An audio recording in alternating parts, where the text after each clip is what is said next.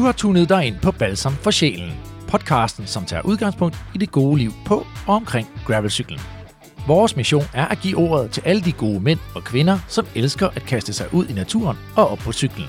For når gravelcykling er allerbedst, så er det rent balsam for sjælen.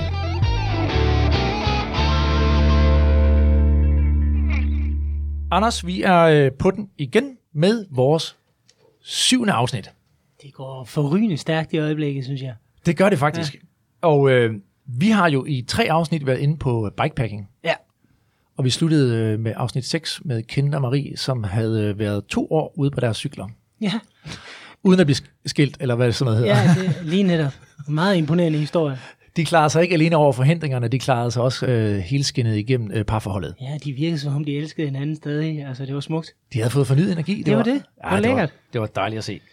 Og øh, vi har også fået fornyet energi, øh, fordi at solen skinner virkelig i de her dage, øh, og det betyder, at øh, der er rigtig god grund til at komme ud på cyklerne. Og ja. vi, øh, vi skal snakke gravelcykling i dag. Ja, det er dejligt. Vi skal lære noget i dag. Det skal vi også. Det, er, det, det, det kan vi vist ikke undgå at gøre, tror jeg. Det tænker jeg heller ikke, fordi vi kan lige så godt afsløre, at vi har været så heldige, at i dag har vi fået besøg af brødrene Jesper og Michael Mørkøv. Ja. De, øh, jeg tror, det har noget at gøre med en coronapause, der gør, at det rent faktisk kan lade sig gøre. Ja, det tænker jeg også. Ja, så det er lidt uheld, øh, eller held i uheld, som det hedder. Yes. At, øh, at vi har været så heldige, at de har sagt ja til at komme ind og fortælle lidt om, hvordan de bruger gravelcyklen. Ja. Ikke? Så øh, det skal i hvert fald handle lidt om fart. Og jeg ved, hvis jeg ikke tager fejl, Anders, så blev du faktisk overhalet en gang af Michael Mørkøv ude på en, en, øh, en tur. Det gjorde jeg, men det er ikke så længe siden, og det var, en, det var jo en stor, stor oplevelse for mig. Jeg blev jo sådan ret befippet, men det fik jeg også sagt i en tidligere podcast, der hvor jeg så prøvede at tage et billede af, af Michael, men, øh, og tabte så min telefon, så måtte jeg stoppe. men altså, det var, men det var et stort øjeblik. Altså, se Danmarks trøjen kører forbi øh, på en gravelcykel, det var smukt. Altså, jeg, kan- jeg, jeg, har næsten sådan et levende billede af dig, der kører ja. derude, du ved, og så bliver du overhalet, som om du næsten er parkeret, og så famler du efter telefon og, ja. Ja. og er ved at køre galt og alt muligt ja. Ja. på samme tid, men, ja. øh, men du nåede at fange et, et glimt ja. af ham. Og så gik der to uger, og så blev jeg overhalet af Amalie Didriksen.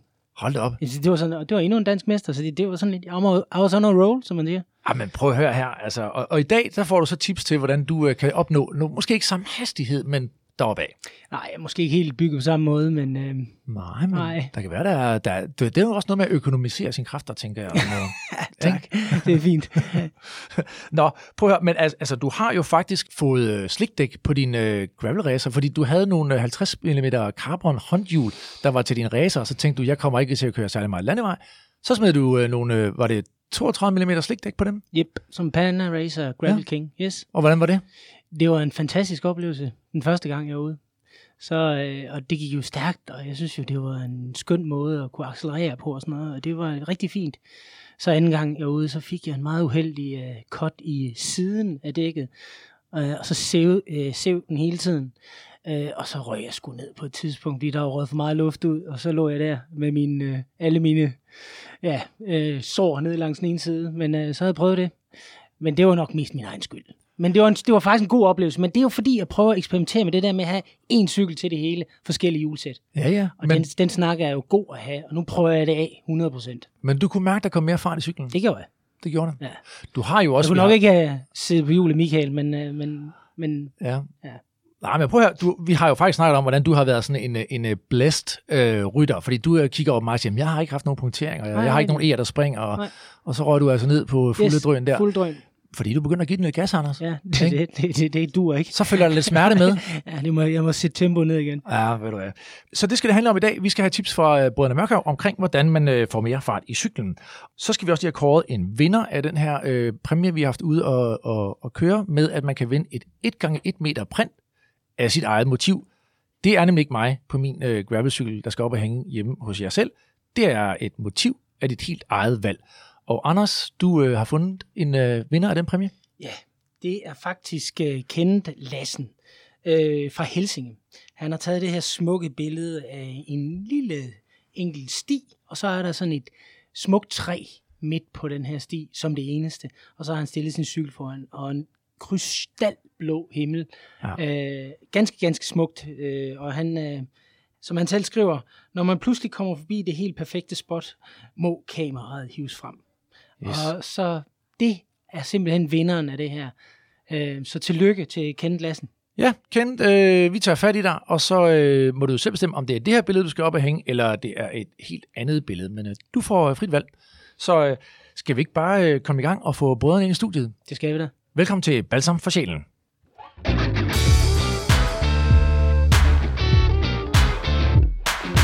Dagens gæster er to meget prominente cykelryttere. Brødrene Jesper og Michael Mørkøv har sat deres præg på cyklingen herhjemme og i udlandet med sejre på såvel cykelbanen som på landevejen. Deres arbejds- og træningsmoral har bragt dem til, hvor de er i dag. Og for storebror Michael er karrieren på sit absolute højdepunkt. Med en nyligt vunden EM- og VM-guldmedalje i parløb har det været en hæsblæsende sæson for danskeren, der også har sit blik rettet mod dette års Tour de France, og forhåbentlig også en OL-medalje i Tokyo, men desværre først til næste år. Den ufrivillige coronapause har imidlertid givet Jesper og Michael mere tid sammen, og den tid har de blandt andet brugt på deres fælles passion for gravelcykling. Og det skal det handle om i dag. Tag godt imod Jesper og Michael Mørkøv.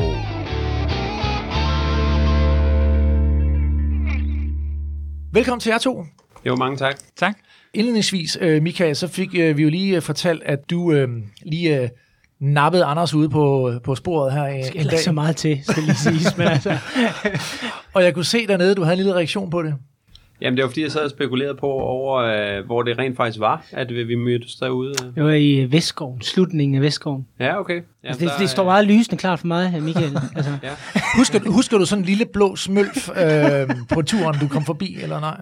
Nej, desværre ikke rigtigt. Øh, men, men altså, jeg møder mange, når jeg er ude at træne. Jeg er ude øh, hver, hver eneste dag, og øh, ja, Vestskoven, der kører jeg rigtig meget i, men øh, ja, jeg har været meget i, i skovene her de sidste par måneder. Jamen, øh, Vestskoven, det er jo også et dejligt sted at komme ud på sin øh, gravelcykel. Det er en af de ture, vi kører rigtig meget. Vi skal faktisk tale noget om øh, nogle af de ture, som I ligger og kører. Jesper, jeg ved, du nyder at sidde og nørde lidt med gravelture og sådan noget, og, og, og, og kortlægge dem. Ja, altså normalt faktisk noget af, det, noget af det sjove ved det, det er jo, når man først har været ude at køre, og så er kommet hjem igen, og lige har fået måske en times eller halvanden times afslutning, afslappning, så kan, man, øh, så kan man lige hoppe ind på Strava der og se, åh, hvor var det lige, man var, og hvor var man ikke, og var der faktisk en fed vej ved siden af, eller var der måske en ekstra lille, et eller andet lille mountainbike-spor, man måske lige kunne være hoppet ind på en kilometers penge eller et eller andet, og så kan man nørde, og så kan man ligesom give, øh, give toren en volume 2,0, og så er den endnu bedre til næste gang. Og det kan man jo arbejde videre med, altså længe. Ja. Men nu siger du også det der med at komme hjem og se, hvor man har været hen. Altså, er du, jeg, nu ved jeg ikke, om jeg har sådan en lidelsesfælde i dig derovre, men nogle gange så er jeg helt rundforvirret, når jeg er ude i de her skove der, og, og, og så skal man netop lige hjem og se, hvor, hvor fanden var jeg egentlig henne? Ja, jeg vil sige, jeg, jeg er glad for, at jeg har en af de der store Garmin-computer med et meget stort kort på, fordi jeg synes, når man kører ind i sådan en skov og har drejet rundt om sig selv to gange, så har man fuldkommen tabt, hvor man, øh, hvor man i det hele taget er rundt i verden. Og så er det altså meget fedt, når man kommer hjem bagefter, så se de der ruteprofiler og sige, okay, det var faktisk der, jeg var. Ja. Og så kan man så se lidt videre og arbejde videre på ruten. Fedt. Og jeg ved jo, at I går meget op i det, og I giver dem også nogle sjove navne. Jeg ved, at øh, der er blandt andet noget, der hedder Matador-ruten og Ole Ejner-ruten, og I har faktisk øh, lovet, at, øh, og, og vores lyttere kan, kan se nogle af dem. Vi smider dem op på øh, vores øh, Ride with GPS-profil, Ja, øh, Anders, så man det kan se gøre. derinde. Men dem får vi lige en forklaring på øh, lidt senere. Michael, det har jo øh, været noget af en, en mærkelig sæson for dig, tænker jeg. Europamester og øh, verdensmester i øh, parløb på bane, og så øh, skulle du have kørt øh, Tour de France, og så direkte videre til OL og forhåbentlig høst en, øh, ja, måske en guldmedalje der. Men øh, så kom der noget corona i vejen for det. Hvordan har det været? Jamen altså, vi var jo godt i gang med, med landevejssæsonen. Øh, var jo startet i januar i Australien, og øh, ja, var i gang med hele opbygningen, og, og ved Paris-Nice, da, da den, her, den her coronakrise kom, og ja, og cykelsæsonen, ligesom alt andet, blev sat på, på standby. Så det har været øh, øh, meget atypisk. Altså, øh, jeg har været vant til hele mit liv, øh, og alle, der er involveret i cykelsporten, ved jo, øh, at øh, de store klassikere, de bliver kørt på den givende dato i april og i, og i marts, og øh, ja, cykelsæsonerne plejer jo nærmest bare at køre slag i slag, så det har været meget underligt at have øh, så lang en løspause, øh, som vi har haft nu. Ja, og faktisk, øh, så var du jo en af de første, der ligesom blev, hvad skal man sige, impliceret i noget af det her corona. Du sad jo faktisk i karantæne på dit hotel i Berlin. Det er rigtigt. Øh, da jeg kom til VM i Berlin, der kom jeg direkte fra et etabeløb i, i Abu Dhabi, øh, hvor at, øh, da jeg var kommet frem til Berlin øh, efter min rejse øh, fra Abu Dhabi, så, øh, så kom der nyhed ned fra øh, Abu Dhabi om, at der var fundet øh, to mulige øh, coronatilfælde blandt øh, noget af af nogle mekanikere, øh, der var til det, det, til det samme løb. Så derfor så, øh, ja, så, så var jeg øh, isoleret i Berlin, og var jo egentlig øh, ja, i, et, i et døgns tid øh, i tvivl om, jeg overhovedet øh, kunne få lov til at, at deltage i det VM, jeg var taget ned for at køre. Og så lige før øh, starten gik, så fik du at vide, at det, du kunne godt stille op. Heldigvis, og øh, jeg kan stadigvæk øh, få helt svedtur om natten over det, at, øh, at jeg overhovedet fik lov at køre, fordi ja, for mig at se, havde det været det nemmeste i hele verden for, for UCI at sige, vi, vi tager ikke nogen chancer, du bliver på dit hotelværelse, du kommer ikke til at køre det her VM, så jeg er stadigvæk øh, selvfølgelig dybt, dybt taknemmelig over, at den pågældende UCI-kommissær, han, øh, han benåede mig og lod mig køre. Ja, men det er vi da også, fordi det var jo en guldmedalje til danskerne. Den, Fantastisk. Altså, vi tager jo del i sådan noget, ikke også? Jo, jo. Ja, ja, vi føler jo, vi er jo med. Ja, det er vi alle sammen. Det er vi jo. Sådan, øh, sådan føler jeg jo også, når, at, øh, når der bliver vundet guld i andre sportsgrene. Så det er jo noget af det faktisk det, det bedste ved, ved sport, vil jeg sige, at øh, man får en, en national følelse frem. Og hvad med Jesper? Hvordan, som lillebror der, når man sidder og ser øh, storebror vinde guld øh, til sådan et VM, hvad er det for en følelse, der går igennem kroppen på dig? Sidder det- helt roligt i sofaen. Fuldkommen roligt. Ej, vi var, vi var faktisk taget hele familien derned for at se det. Øh, og var også taget nogle dage derned før, ligesom for... Jeg har været i Berlin rigtig, rigtig mange gange til baneløb og seksersløb. Man har jo aldrig nogensinde set byen, fordi at der koncentrerer man sig om at køre cykelløb. Så vi har taget ned lidt før for at se byen, og gik jo også rundt på sightseeing og få lidt med i, om Michael overhovedet fik lov at køre det her cykelløb, eller om vi skulle ind og se øh, 30 andre cykelrytter end Michael. Øh, men han fik heldigvis lov, og jeg vil sige, det er meget mere nervepirrende at se cykelløb med nogen, man holder af, end at køre det selv. Fordi når man sidder selv på banen, så ved man jo, mm. hvor gode ben man har. Det er man ikke helt sikker på, når man sidder på tilskuerpladserne. Så jeg tror faktisk, jeg svedte mere, end hvis jeg selv havde været med i cykelløbet. Ja. Men det var fantastisk, og det var, det var godt at få det med, inden vi røg på den her, man kan sige. Det er lidt off, off-break. Og det er jo også øh, måske kulminationen på, på rigtig mange års øh, arbejde. Altså, jeg ved, at øh, jeres far introducerede jer lidt, fordi han var stor fan af banecykling, og tog jer med på øh, Ordrebanen, øh, da I var små knægte, og så, øh, og så banecyklingen derude. Og Jesper, du har, da jeg har talt med dig tidligere, har du fortalt mig, at, øh, at derude, hvor I bor, der er der ligesom øh, en parkeringsplads, som minder lidt øh, om en cykelbane derude, hvor I faktisk som drenge lå og øvede det her øh, skift. Jamen, vores, øh, vores folkeskole, hvor vi, hvor vi jo gik de første 10 år, eller hvad det hedder, af vores liv, der øh, parkeringspladsen, den var ligesom formet lidt som en cykelbane. Den var selvfølgelig ikke med hævet sving, men øh, parkeringspladsen inde i midten, og så var der sådan, kunne man køre rundt udenom. Og der, øh, der lærte vi hurtigt, at det kunne være sjovt at ligge og køre, køre seksersløb, og sige, hvem man nu var, om det var Vækkerby eller Rolf Sørensen, eller hvem det var, og lære at lave de her, de her parløbsskift faktisk nærmest, inden vi begyndte på cykelbanen. Og det, øh, det var en ret sjov måde at, at starte på det. Anders, er, er jeg den eneste side, der tænker, at der, der er nogen, der har slået sig øh, undervejs? Ja, jeg tænker også, der må have været noget ordentligt styrt undervejs i det der. Jamen heldigvis, så er vores, øh, vores mor, hun er uddannet sygeplejerske. Så, så der, det kan godt være, at medic-tasken har været fremme et par gange, når vi har kørt for stærkt i svingene. I er blevet lappet et par gange. Fedt. Øh, Jesper, du øh, træner jo øh, til dagligt øh, firmahold i cykling, og øh, så kommenterer du cykelløb på Eurosport. Du må også have mærket øh, en, øh, en ændring i dine arbejdsopgaver her under coronaen. Ja, fordi de arbejdsopgaver forsvandt jo også med et. Øh, både i og med, at der jo ikke er noget sport på tv, så forsvandt det, og der er heller ikke nogen, der skal ud og cykle sammen, så forsvinder det også. Så, så de opgaver ændrer sig også lidt, og så øh, kunne jeg heldigvis få lov at bruge lidt mere tid på vores fælles firma. Ja, fordi I har et firma, der hedder Defeat, Ja. som øh, sælger øh, blandt andet handsker, øh, cykelhandsker og cykelsokker, og også noget andet apparel, øh, armvarmer og benvarmer osv. Hvordan er det kommet i stand? Jamen, det kom vel egentlig i stand for, jeg tror, det er 5-6 år siden, Michael. Ja, næsten snart 10 år siden. Ja, øh, 10. Ja, der er, øh, jamen altså, Defeat er et amerikansk øh, mærke, øh, kvalitetsmærke, en, et, nogle nicheprodukter. Øh, de bedste sokker på, på markedet, vil mange sige. Øh, mange af de professionelle cykelrytteres foretrækkende øh, produkter. Og øh, jamen, der fik jeg en indgangsvinkel til, øh, til Defeat, øh, på, da jeg kørte på Saxo Bank, øh, som de leverede sokker til holdet. Og øh, jamen, så øh, på det tidspunkt, jeg har altid været meget øh, fascineret af at prøve at drive forretning og ligesom øh, lære øh, erhvervslivet lidt at kende, og så tænkte jeg, øh, mens jeg var cykelrytter, så, øh, så kunne det være sjovt at prøve at bygge en lille virksomhed op ved siden af, øh, bare for at drage, drage sådan nogle erfaringer, ikke for at skulle øh, øh, spænde guld på det, men for at, at, at lære lidt om, om handel og øh, import, øh, eksport og så videre, så videre. Og så fik vi øh, agenturet i Danmark på de her Defeat-strømper, og så har vi ja, nu snart solgt det i om, omkring 10 år. Hold op. Vi har nogen. Det har vi nemlig, Anders. Ja, ja. Vi Vi har- vi- jeg, jeg har haft nogen i fem år, jeg har dem stadigvæk. Mm. Jeg, jeg, jeg er rigtig glad for de der woolly, de der meget tykke uld, nogle der om vinteren. Dem har jeg også, ja. Yes, boss. De Ja, er, det, det, det er skidt, de holder så længe, for det bliver ikke købt. Nej, nej, det er rigtigt. jeg tror også, jeg har bare en- nogle forkerte vaskeanvisninger på dem der, så giver det helt sig selv. Ja, der er nok nogen, der er gået ud med en krympet sok der. ja, det er, jeg har, det er min, ja. Det er. Men det er jo noget med, altså I nørder jo også meget omkring sådan design, ved jeg, når jeg, jeg ved, øh, altså I begge to går op i det. Du har jo lidt tid, Michael, når du sidder på hotelværelset og kommer hjem fra en, fra en træning og sådan, så sidder du og kigger lidt på, hvad kunne være det næste øh, design?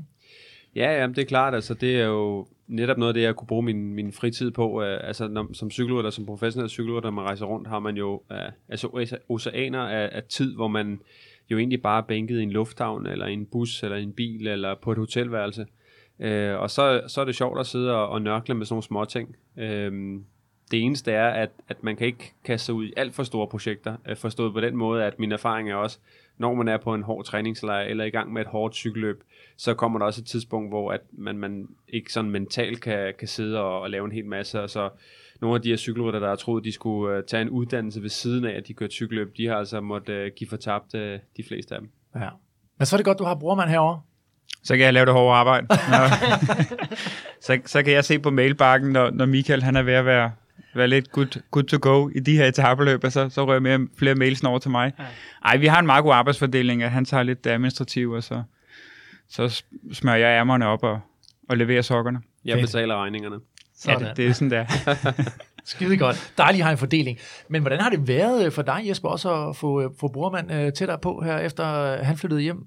Om det har været fedt, fordi så har vi jo kunne, så har vi kunne cykle mange flere, flere ture sammen. Det kunne vi jo ikke som sådan alle de år, Michael boede i udlandet. Jo, hvis jeg har taget på, på træningslejr eller noget til der, hvor Michael har boet i Italien eller Luxembourg. Men øh, efter øh, hele familien er kommet hjem, så har vi jo kunne køre nogle, nogle fede ture sammen, både, både de korte ture og de lange ture. Så det, øh, det har givet mange fornøjelser. Og det er jo gravelcykling, Anders, øh, vi skal snakke om i dag. Det er ligesom på missen for det her, er det ikke det? Jo, du sidder og venter på, at tipsene kommer. Og, Ja, det gør lytter, jeg. og kære Ja, lytter, det, det lover vi, det kommer, det kommer øh, løbende hen ad vejen. Vi skal først lige høre, øh, hvordan I to endte op på, på gravelcykling. Jesper, hvad med dig? Jamen, jeg startede nok lidt med at tænke, det var meget fedt om vinteren at hoppe lidt ind i skoven. Der var lidt varmere, og så havde jeg faktisk sådan en, øh, en crosscykel et par år, hvor jeg troede, at øh, jeg skulle bruge de der crosshjul, der sad på den. Den kom jeg aldrig til at bruge, for jeg brugte den bare som vinterracer. Og så fik jeg købt en lidt bedre en og få sat en ordentlig dæk på. Og så efter at have været i skoven et par gange, så fandt jeg egentlig ud af, at det var godt nok fedt. Øh, og i starten var det jo mest det der med at køre på mountainbike-sporene, og lidt det der måske cross-segmentet i det, kan man sige. Og så fandt jeg ud af de her fede gravelture, og så har både Michael og jeg kørt nogle super fede gravelture siden, hvor man virkelig er ude og explore landskabet, både på, på hårdt maner, kan man sige, fordi man kører langt, og, kører, og vi kører også OK fart, og så bliver det altså hårdt, men også de her gange, hvor man bare explore, explore lidt mere, og får lov at se lidt, og se nogle flotte søer, og noget, man ellers ikke har opdaget. Og det var vel også vintertræning for dig til at starte med, ikke øh, Michael? Jo, det var det. Altså, jeg har jo boet den største del af min, min karriere i udlandet. Øh, meget af det nede i Italien, nede i, i Toskana i Luca. Og øh, ja, der var det selv sagt, det er ikke særlig svært at, at få gennemført sin træning. Øh, mere eller mindre hele året rundt var det jo til at, at køre øh, under de milde himmelstrøg. Og øh, da vi så øh, tog beslutningen om at flytte hjem, øh, fordi at øh, min kone og jeg, vi havde øh, fået os to børn, og vi havde brug for at være mere i nærheden af, af, af bedsteforældre, og ja, øh, skole og, og børnehave. Øh, så valgte vi at, at flytte hjem og finde en god base herhjemme, og, og så begyndte jeg selvfølgelig øh, kreativt tænkende og, og finde ud af, hvordan kunne jeg sætte den bedste mulige, øh, de bedst mulige træning, træningsredskaber op herhjemme, når nu jeg ikke kunne bo øh, øh, nede i Italien længere. Og, og der var noget af det første, jeg faldt over, det var netop, øh, jeg skal selvfølgelig have en, en ordentlig vintercykel, øh, noget der kan holde, noget der ikke punkterer, øh, noget der står fast, når det er, er vådt og, og glat. Og, og der- der fik jeg så ideen i at, at, at kaste mig over en crosscykel. Øhm, og så øh, ja, fik jeg kastet mig ud i at, at køre i skovene. Det er ellers mange, rigtig mange år siden, jeg havde ellers havde kørt øh, cross og mountainbike. Øh, men, men det var simpelthen som et, et træningsredskab, og øh, jeg har fundet en, en kæmpe stor glæde ved at, at, at ligge og kunne krydse lidt rundt. Jeg, jeg kan egentlig godt lide at kalde det cross, selvom det ikke er øh, cross, men, øh, men forstået på den måde, at man, man ligger og krydser mellem landevej og, og, og skov. Jeg ved jo, at øh, Jesper, øh, I kører jo begge to med Chris Anker Sørensen også som, øh, som træningsmarker, og jeg ved, dig og, og Chris, Jesper, I har sådan en klar definition af, hvornår det er gravel, og hvornår det er cross. Ja, ja, fordi det er jo sådan set, hvornår er det gravel, og hvornår er det cross. Hvis man tager sådan løbsformen cross og gravel, så er der jo kæmpe forskel, men at cykle, sådan, selve træningsformen, er jo egentlig ikke så forskellig fra hinanden. Så vi, vi plejer at være sådan, at hvis vi har været af at gå over noget, eller, nej, det, det er bedre at sige, hvis vi har været af at løbe over noget, så er det cross. Og hvis vi ikke har været det, så er det gravel. Og vi har sådan, vi har en tur, der er det, vores, øh, vores Four Lake Trip. Der er det der, jeg mener, at det er nogle 50 km. Der er en bro, vi skal hoppe over. Og så er det en crosstur. Så, Så er det en crosstur. Dem, dem har vi også prøvet nogle af, Anders, hvor man lige skal hoppe af. Men det er jo tilbage til det der med gravel, skråstreg, cross, det er jo, hvad vi gør det til, ikke? Jo, så, jo. Så det er jo perfekt. Man ved jo heller ikke, hvad man møder, når man øh, nogle gange øh, bevæger sig ned af nye stier, vel? Altså, Nej. Jeg havde en tur øh, faktisk i... Det var i går, faktisk, hvor jeg Men kører... kører, eller? hvor jeg, jamen, jeg kørte ned ad Vestvolden, og så tænkte jeg, nu, nu gør jeg alt i verden for at blive op på Vestvolden. Jeg skal ikke ned på en cykelsti. Nej. Det Og- kan du ikke. Jamen, jamen faktisk, ved I hvad? Jeg, jeg, jeg, jeg havde den her følelse af, jeg har fundet nyt terræn, men jeg skulle have haft en machete med. Altså, jeg blev virkelig... Nu ved jeg godt, det her, det er, de her mærker, det er fra, jeg har klippet hæk. Men det er også lidt øh, ar fra, fra ruden i går. Jo, jo, det er det. Jeg har været igennem der. Det jeg ved voldsomt, godt, ikke? du snakker om. Jo. Ja. Og, det, og det vilde er, at det er jo faktisk sket her inden for de sidste par uger, hvor, ja, ja. hvor, hvor skoven virkelig er, er sprunget ud. Fordi jeg kører netop tit det der spor på Vestvolden. Jeg, kører, jeg har kørt det tyndt alle stierne. Ja. Ja. Og, øh, og der var der faktisk øh, det samme spor, hvor jeg kom med to dages mellemrum, ja. hvor, den, hvor den ene dag, der kørte jeg fuldstændig uhindret, ja. og næste dag, der, der kørte jeg skrevet på øh, med alt det bevoksning, så øh, ja, det er et fedt sted at køre. Ja. Ja. Det er super fedt at køre, især oppe på toppen deroppe. Det kan jeg virkelig godt lide. Det er fedt ud, udfordrende, ikke? Prøv at høre, det, det lyder til, at vi skal snakke rigtig meget spændende gravel. Vi skal blandt andet tale om, hvordan man øh, optimerer og økonomiserer sine kræfter, så man øh, kan få mere fart i cyklen. Og øh, så skal vi også kigge på, hvordan øh, den... Hvorfor kigger du så meget på mig lige nu, Tine? Jamen, det gør jeg, fordi Anders... Øh, det gør ondt. Nå, men så kunne du over fortælle Michael, hvordan han får mere fart Ja, cyklen. Ved du hvad, øh, vi skal også finde ud af, øh, som sagt, hvad, hvordan den øh, perfekte gravelrytter ser ud. Og der må jeg gerne kigge på dig, Anders. det må du. Ikke? Jo. Der, der er jo en mulighed med hård træning og velvilje, fordi jeg ved jo faktisk, altså øh, Michael og Jesper, der er jo noget med jeres arbejdsmoral, som er helt unik. Og for lige at, øh, og, og nævne Brian Holm her, så har han faktisk sagt, jeg ser Michael som en rytter, der får 110% ud af sit talent. Han er meget, meget professionel. Ligesom andre ryttere, der også kører eller har kørt på banen, har han en rigtig god topfart. I øvrigt også i sidevind, og det er vigtigt. Det er altså Brian Holm. Så der er et eller andet med, det er jo ikke rent talent at blive en god rytter, vel?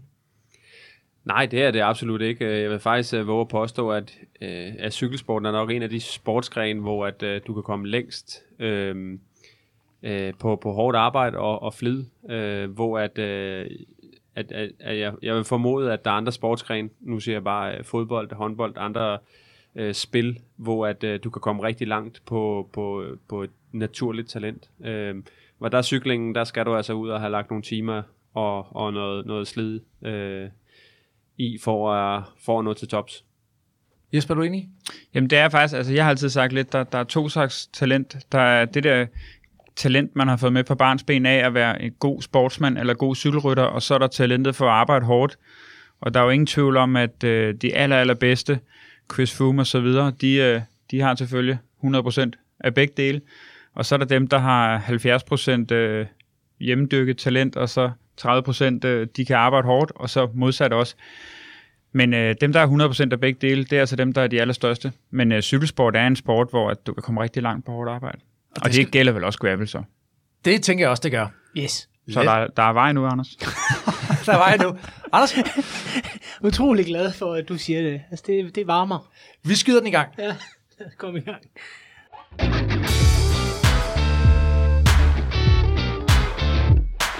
Gravelcykling er uden tvivl en af de hurtigst voksende trends inden for motion i øjeblikket. Der findes adskillige gravel-events og løb verden over, som samler deltagere på tværs af alder, køn og nationaliteter.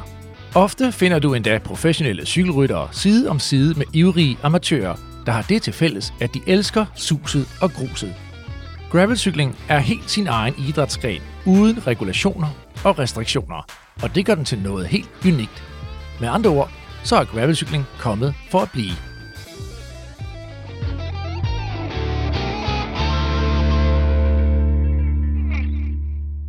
Anders, vi, øh, vi har jo talt om, at, øh, at gravelcykling jo simpelthen bare stormer frem, og det er jo ikke bare os, der siger det. Alle fakta viser jo, at, øh, at cyklerne bliver nærmest, altså du ved, øh, øh, bare solgt ud af butikken, øh, før de ankommer, og øh, senest også, altså de her bikepacking-tasker er jo nærmest ikke til at opdrive, så der er noget om snakken. Det må der være, ja. Og nu har vi jo to øh, erfarne ryttere fra banesygning og landevejstudiet, Jesper og Michael. Michael, jeg ved, at du faktisk har begyndt at bruge gravelcyklen som et træningsredskab i din daglige træning. Hvordan gør du det?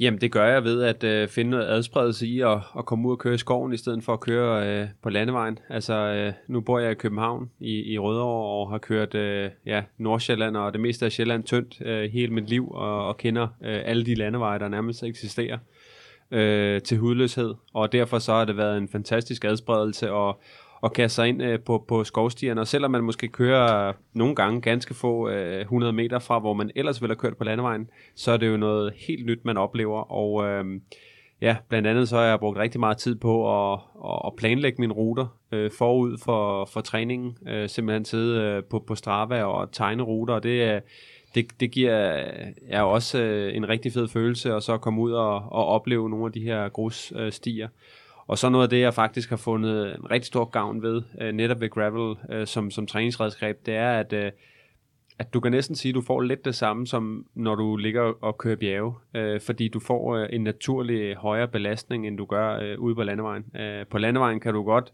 hvis du ikke er topmotiveret, eller hvis du er lidt træt, øh, komme til at sidde og lalle, og, og ikke rigtig træde så meget, men når du sidder ude i i, det, i den to, tunge øh, skovbånd eller på grusstierne, så skal der altså jogges til øh, for at holde fart i cyklen, så, så naturligt ligger man altså bare og, og kører et hårdere tempo. Er der, er der fokus nu her, altså øh, for jer pro øh, på også at finde alternative træningsmetoder? Altså der har jo længe været den der med, at det handler bare om at komme op på cyklen og køre kilometer, og køre mange af dem. Men altså, jeg ved, Valgren, han løber meget. Nu snakker du om, at du kører gravel. Er der, er der fokus på, at alternativ træning faktisk er godt? Jamen altså, mine erfaringer er, at... Øh så meget alternativt som muligt næsten. Øh, personligt så, så løber jeg også. Øh, jeg er styrketræner, øh, jeg kører på banen, jeg kører mountainbike, jeg kører cross. Øh, jeg prøver sådan set bare at, at, at få lagt en masse timers øh, arbejde i, uanset om, om det er det ene eller det andet. Øh, specielt på nuværende tidspunkt, hvor det, man kan sige, det, det er et spørgsmål om grundtræning. Det er klart, at, at lige op til et, et Tour de France eller eller et OL, øh, der skal man være mere specifik, men, men lige nu, øh, hvor det er sådan en grundtræningsfase, der for mit vedkommende gælder simpelthen bare om at få banket nogle timer af, og øh, ja, der er cross simpelthen øh, noget nær det perfekte for mig. Er det ikke også et motivationsspørgsmål? Altså at kunne mixe det? Jo, helt sikkert. Altså, hvis jeg øh, har nu haft øh, nogle uger her, hvor at jeg har kørt mountainbike en eller to gange om ugen, øh, to-tre dage om ugen øh, cross, øh, to dage om ugen øh, landevej, øh, så er jeg også ude at løbe et par gange og styrketrænet, øh, så, øh, jamen så er der et rigtig godt mix. Ja. Øh, så kommer man udenom den her med, at man bare sidder og hænger på den samme landevejscykel øh, dag ud og dag ind, og når man har sluttet en, en 6 timers tur, så kan man bare starte forfra på en ny dagen efter. Øh, der er meget, meget motivation i at, og, ja, og som sagt, at sidde og planlægge nogle fede crossruter, øh, øh, køre med nogle forskellige øh, venner, øh, eller, eller min bror Jesper, og øh, ja, øh, opleve landskabet. Mm. Og Jesper, øh, for dig, hvordan er, hvordan er din tilgang til din graveltur? Jamen, jeg vil egentlig lige supplere til det der, fordi det er jo rigtig nok, hvad Michael siger. Altså, hvis, du, hvis sådan en landevejsracer, som man har i dag, og specielt sådan en hurtig en, som Michael og deres hold har, jamen, så når du går ud på landevejen, så kører den jo næsten af sig selv. Du skal næsten ikke røre benene, før du hurtigt, hurtigt kører 30. Så kan du så godt, jeg lige vil sige, lulle sådan 100 km tur rundt, når man er i form, som Michael, uden rigtig at have fået lavet det vilde hvor at lige snart du kører skoven på den der gravelcykel, så, så skal du producere nogle watt, for at gøre det lidt teknisk, bare for at overhovedet komme afsted. Og så er der jo det der, jeg synes er fascinerende, når vi kører rundt ud på det der graveltur, det er jo det der med, at terrænet er jo indbydende. Mm. Altså, der er jo hele tiden en eller anden lille kontrastigning, der er hele tiden en lille bakke, vi skal hen over. Det er jo sjældent vejene bare er lige og fuldkommen forladet. Så der er jo hele tiden en indbydende lille segment, hvor man lige kan give den gas. Og der er det med sådan en som Michael, der jo er lead og sprinter lidt på landevejen. Han har jo sådan rigtig godt antrit, så det, det bruger han jo tit, når vi har dem der. Så kan man godt helst lidt efter, hvis man, hvis man sidder efter. Og så får vi andre også god træning. Ja, men prøv at apropos det der med, med træningsmarker. Vi vil gerne have Chris også inden, for I kører jo meget med Chris Anker, ikke? Øh, men, men vi har ikke fem mikrofoner. Så, øh, men til gengæld, så øh, er der en lille hilsen øh, fra Chris her, som, øh, som kører med jer. Prøv at høre en gang. Jamen altså, det er fedt at have jer som faste træningsmarker, fordi at øh, vi har det sjovt hver gang vi kører, fortæller gamle røverhistorier, og ja, nogle af dem bliver nærmest fortalt på hver tur, men øh, det gør dem jo ikke mindre dårlige. og derudover så, øh, så kender vi hinanden også rigtig godt, og øh, ja, Michael er jo nok den, der er, eller, ja, den, der er i bedst form lige nu. Øh, Jesper og jeg kæmper jo lidt med det, men øh, derfor kan vi godt have det sjovt sammen alligevel, og Michael er jo også sød til at, at holde lidt igen i hvert fald på, på nogle af stykkerne, og så Jesper og jeg kender måske lidt flere spor, så kan vi jo en gang imellem tage ham med ud lidt på, på glat is, og, og dermed have en, øh, en lille fordel. Ja, han nævner den her lille fordel der. Øh, bruger de beskidte tricks, Michael, øh, Jesper og, og Chris, når I er køre? Altså det, som Chris han glemmer at nævne, det er jo, at, øh, at, at, at, at kravet for at køre de her ture sammen, det er jo, at der er altid indlagt øh, både kaffe og kage fra hans vedkommende af. Så øh, det, det, det synes jeg faktisk helt, han, han glemmer at, at fortælle øh, præmisserne for, når vi mødes. Øh, men det er rigtigt, at øh, det er jo netop det, cyklingen kan, og også det, som gravel kan, men, men cykling generelt er jo fantastisk, fordi at man kan, man kan rent faktisk træne sammen på mange forskellige niveauer. Øhm, så ja, jeg bruger det som, en, som min, min, min træning øh, på, til mit arbejde. Øh, Jesper og, og Chris bruger det lige nu som motionsform, øh, men, men jeg kan fint køre et par timer selv, inden jeg mødes med dem, og så kan vi have en smadret hyggelig tur sammen, og vi kan holde et, øh, et kaffestop og, øh, og, og, og være lidt sociale, og, og så kan jeg øh, slutte min, min træningstur af selv. Så derfor så øh, er det jo øh, ja, en fantastisk måde at, at være social og passe sit arbejde på på samme tidspunkt. Det lyder meget overskudsagtigt, kan man sige. Jo. altså Jo. under og efter. Og så er der jo også det her i, at, at Michael skal jo træne hver dag, ja. som han siger, og skal også træne dagen efter, dagen efter, hvor Chris og jeg, vi kan jo cykle en tur, og så kan vi bilde Michael ind, at vi skal arbejde to dage i streg, så vi, så vi ikke har tid til at køre de næste to dage. Øh, og vi havde sådan en tur her, det, jeg mener, det var start foråret, hvor vi ikke havde kørt så meget med Michael i lidt tid der, og så skulle Michael med os der. Jeg tror, jeg lagde lidt hårdt for land, for jeg synes, at øh, jeg havde så fået god morgenmad, og vi skulle bare derhen af. Øh, og give den gas en, øh, det har nok følt som en, jeg tror, det har følt som en halv time, og det har sikkert bare været 12 minutter. Jeg gav den gas, og så kørte Michael mere eller mindre kontra på det. Og så sad Chris og jeg halvtid efter. Og da vi havde kørt, jeg tror turen var omkring 3 timer eller et eller andet, så skulle Chris og jeg altså bare hjem og have en villaslur. Og så skrev vi til hinanden et par timer efter der, der var vi begge to gået kold på sofaen. og Michael havde sikkert kørt et par timer efter, han havde kørt med os. Og så lige lidt styrketræning. Ja, også. Og så lige styrketræning efter. Men altså, det er, øh, jamen, det jeg tit oplever netop, når jeg kører med, med sådan et par pensionister som Jesper og Chris der, det er jo, at, øh, at når vi mødes, så, så, altså, så ryger de derhen af, og de spurter op over stigningerne og ind i skoven, og man tænker, hold da kæft, de er friske, de har ikke cyklet i to uger, ikke? Og, øh, og det går derhen at man sidder næsten og tænker, at det er næsten pinligt, at jeg ikke kan følge med sådan to pensionister der, ikke? Men så, øh, så, jamen, så plejer der at gå de der øh, 12,5 minutter, eller, eller en halv time, eller måske lidt mere, og så, så kan jeg godt mærke, at så går gassen lidt af ballonen, og det plejer faktisk, jeg vil næsten sige, uden at, uden at fornærme jer, så når vi plejer at skille, så plejer det egentlig at være sådan, at I sådan lister af sådan lidt øh, i hver sin retning, og så, øh, så må jeg bare... møre. Ja, godt møre. Så lister øh, vi over i det nærmeste busstopsted, og lige står og holder, holder en pause. De, de er faktisk ret glade, når du kører videre, Michael, måske. Det kan være det. det. Ja, men det, det kan godt være, at de prøver på at, at, at læse mig ud på. Ja. på en ekstra omgang. Var det ikke her, du skulle til højre? Skulle du ikke mod farm? Jamen, Chris han sagde faktisk, da jeg talte med ham, så sagde han også, man kan også gøre det med Michael, at man sørger for, at han skal køre sådan en længere strækning ud for at møde os, fordi så har han allerede fået taget lidt af toppen af. Præcis. Men det er jo det selv, nu, nu Chris og jeg er jo også nu pensionister, men man kan sige tidligere cykelrytter, så vi ved jo godt det der med at gå dybt, og vi kan jo godt gå dybt. Ja. Det er så nogle gange, at vi glemmer, at øh, motoren den ikke er ligesom den var for nogle år siden. Og så, øh, så springer den i luften, og så, så på sådan en graveltur, så kan der altså være virkelig, virkelig langt hjem. Vi havde en tur, Chris og jeg, her for, det er to dage siden. Jeg er stadig ikke kommet med over den hvor vi kørte vores, øh, vores Four Lake Trip, og Chris har simpelthen lavet en tilføjelse til, så det var Four Lake 2.0, hvor vi skulle prøve øh, mountainbikesporet i Lystrup. Øh, og vi havde så vanlig stil egentlig faktisk holdt stram kæde hele vejen derop, og hopper ind på det her mountainbikespor. Og hvis nogen har prøvet det mountainbikespor, så er det ikke helt uden højdemeter. Og da vi havde kørt lidt af det, der tror jeg begge to, vi var fuldkommen færdige. Ja. Og sådan spor der, hvis først man er færdig, så bliver man straffet fire gange hårdere. Og der blev vi enige om, da vi havde kørt lidt af sporet, nu skulle vi altså ud i, uh, nu skulle vi altså ud i Slangerup og have kaffe. Ja. Og det var også et godt kaffestop. Og så kunne vi lige, så kunne vi lige liste hjem på flade fødder. For man glemmer lidt det der med, at benene ikke altid er, hvad de har været. Men når vi nu skal snakke fart, og det skal vi jo i dag, øh, Anders, vi har jo en tendens til, og det tror jeg mange gravelrytter har, det er, at man kører ud, og så øh, kører man nok et, et forholdsvis jævnt tempo og nyder naturen, og holder sådan et, andet, et, et jævnt snit hele vejen øh, på ruten. Ikke? Så ved jeg godt, så øh, er der nogle øh, tirsdag aftener, og jeg ved, du mødes med nogle af drengene inden for, for Rafa, hvor I så kører nogle intervaller og så videre. Men Michael, er det vel ikke også det, der er vigtigt, det er, at, at man, man skal huske at gå ud og presse sig selv, så det, så det bliver en træning. Altså hvis man vil være hurtigere på cyklen, så man ikke bare går ud og ligesom at, at køre rundt og nyder fuglene og skoven.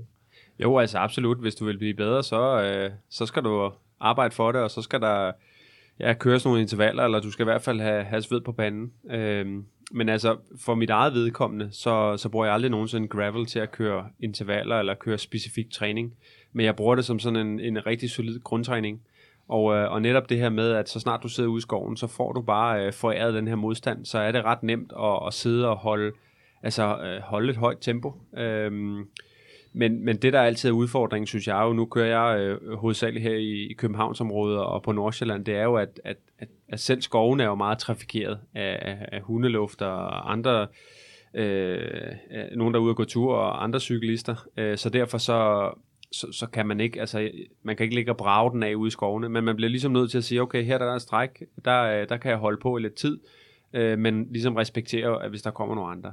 Og øh, det er selvfølgelig brændt ærgerligt nogle gange, når man er udset til en eller anden øh, Strava-segment øh, på forhånd og tænker, den kan jeg godt nå op i dag. Øh, solen er høj, og, og jeg har gode ben. Og øh, så kommer man ud, og man er rigtig godt i gang med den, og den siger, at øh, man er et par sekunder foran. Og så lige pludselig så kommer der en dame gående med en hund, og så må man afblæse den... Øh, den, den kommer det ikke på, hvorfor en hund det er? Nej. Chihuahua. Ja, og store offer, små offer. Men, men altså, hvordan ser en, en typisk gravel ud for dig? Hvor lang tid kører du, og hvor, hvor, og, og hvor, hvor, hvor høj en procentdel af din puls kører du? Øh, Jamen altså, jeg har nogle, for, øh, nogle forskellige ruter. Øh, en af mine foretrukne er netop ude på Vestegnen, hvor jeg godt kan få en, en to-tre timer til at gå, ja. øh, uden at komme særlig langt væk hjemmefra. Så er det over på Vestvolden ude i Vestskoven, og Vestskoven er faktisk fantastisk, fordi der er nogle lange øh, lige stræk, hvor man sagtens skal sidde og holde på, og hvor der faktisk heller ikke er så mange mennesker igen. Og stien er lidt bredere også nogle steder, som man ja. kan. Ja, ja lige præcis. Der, også, der er plads, ikke? Du bliver simpelthen nødt til at komme ud på Kalvebodfælde også. Nu sagde jeg det til dig, inden vi startede, selvom du sagde, at der var vind ude lader jeg godt mærke til. Men det burde jo være din ven i den her sammenhæng. Ikke? Men der er med også nogle stykker derude, hvor du kan give den max gas. Nu ja. er jeg ikke særlig populær dem, der har kom derude, men altså sådan er det jo. tror du, du har givet den foræret kommen væk, eller hvad? Nej, jeg tror, du har den inden længe. Ah, men lad mig lige, lige om lidt, så skal jeg nok lige vende tilbage til en lille snak om, om kom, øh, når, okay. man, når man går og tænker, jamen, er de der pro så meget bedre end mig? Jeg er jo super motionist. Den kommer vi lige tilbage til. Men ja. vi, vi, du, du kører rundt ud på Vestegnen, siger du. Ja. Der er gode uh, vilkår for, for, for dig derude. Ja, der altså. er rigtig gode vilkår. Og så har jeg jo uh, jeg nogle rigtig fede ruter mere nordpå. Blandt andet, altså det startede med for flere år siden, så fandt jeg den her sådan en, en jeg ved ikke, hvad det kalder, hvad, hvad det hedder. Det er, den hedder Rudersdal, Rudersdalsruten. Ja, ja. Jamen, jeg ved ikke, hvad man kalder det sådan i, i offentlig sprog, men det er jo sådan en, simpelthen sådan en, en, en rute, man kan cykle på, eller, eller gå, eller hvad man vil, for at komme rundt i øh, i Rudersdal. Og, øh, og det var ligesom mit udgangspunkt at køre den rute, og så har jeg så, øh, ligesom Jesper siger, så uploader man på Strava, og så ser man, hvor man har været henne, og så finder man ud af, okay, øh, nede omkring Brede, der kan jeg godt lige øh, finde den her sti, der går derover, så får man ligesom udviklet den her. Så, så, så min Rudersdal-rute, den er måske... Øh, 4,7 nu. Uh, den bliver udviklet løbende, og, uh, og den er jo på sådan en 4-4,5 time. Jeg har også nogle små sløjfer, jeg kan lægge på, så jeg kunne godt finde på at simpelthen knalde uh, en 4-5 timer af uh, i, i benhårdt terræn på den måde. Og hvad, hvad, wattmæssigt, hvad ligger du så der og kører? Jamen altså, så, så kan jeg ligge på omkring 250-300 watt. Altså, så ligger jeg og kører sådan noget øh, hvad skal man sige, lav medium øh, hele vejen, men, men det giver bare et rigtig godt tryk. Øh, alle, der også har kørt på landevejen, ved, at, at, øh, at det, det er svært at sidde og holde de watt ude på landevejen. Det kræver i hvert fald meget øh, øh, mental energi. Især når øh, cyklen, som Jesper siger, kører sig selv. ja, og øh, det, det er nemlig det. Øh, jeg, jeg tror så, Jesper har lidt for høje tanker om min cykel, fordi jeg synes aldrig, den kører sig selv. Men, ja, det er fordi, jeg mener, det er derfor. Det er cyklens skyld, ja. når vi vil cykle sammen. Præcis. Men noget af det, jeg synes, der også er, er helt fantastisk for mig, det er jo det der med at finde ud af, hvor vil man gerne hen og køre. Nu siger Jesper Lystrup Hegn, så, så, så planlægger man, man vil gerne derop og køre. Øh, men så det, som jeg synes, der er rigtig sjovt, det er også at sidde der hjemmefra og finde ud af hjemmefra adressen. Hvordan kommer jeg det op, øh, uden at skulle ligge og køre på de traditionelle veje? Altså noget med at Øh, man kan lige køre over gennem et boligkvarter, der er et stisystem, og så kommer man under motorvejen, og så kører man lidt langs med motorvejen på en lille sti, og så ind og ud og frem og tilbage. Det synes jeg simpelthen er noget af det allerfedeste, at finde de her alternative veje. Ja, Det, det, det elsker vi også, Anders, det der med at forbinde ting. Det tror jeg sådan er en... en, en Ja, ja. Det var lidt den der med, at for mig var det en, en befrielse, da jeg forbandt Vestskoven med Harskov, for eksempel. Ja, lige præcis. Og den, det lykkedes så efterhånden med et rigtig fin uh, gruspassage igennem nogle kolonihaver og noget. Men det var, det var en stor oplevelse. Det var bare, det var så fedt. Jamen altså, jeg vil faktisk sige, at udgangspunktet i mine ture, det er, at, at jeg formår at binde. Øh, som udgangspunkt, så starter jeg næsten altid på Vestvolden. Mm. Og så formår jeg at, at komme fra Vestvolden, måske i Hareskoven, måske i Gelskov over i Dyrehaven, mm. og fra Dyrehaven op til Rudeskov, mm. øh, og så rundt om øh, Bagsvær Sø, øh, tilbage i Hareskoven, i Vestskoven. Altså, Ja. du kan næsten øh, hoppe fra skov til skov, og jeg synes, det er faktisk det, der er, er, er sindssygt inspirerende og sjovt. Og så, som du siger, prøv at ramme øh, skovene, hvis du skal ud og køre stærkt øh, på, øh, gan, på hverdag, og, og, og gerne på et tidspunkt, hvor folk er på arbejde. Er det ikke sådan?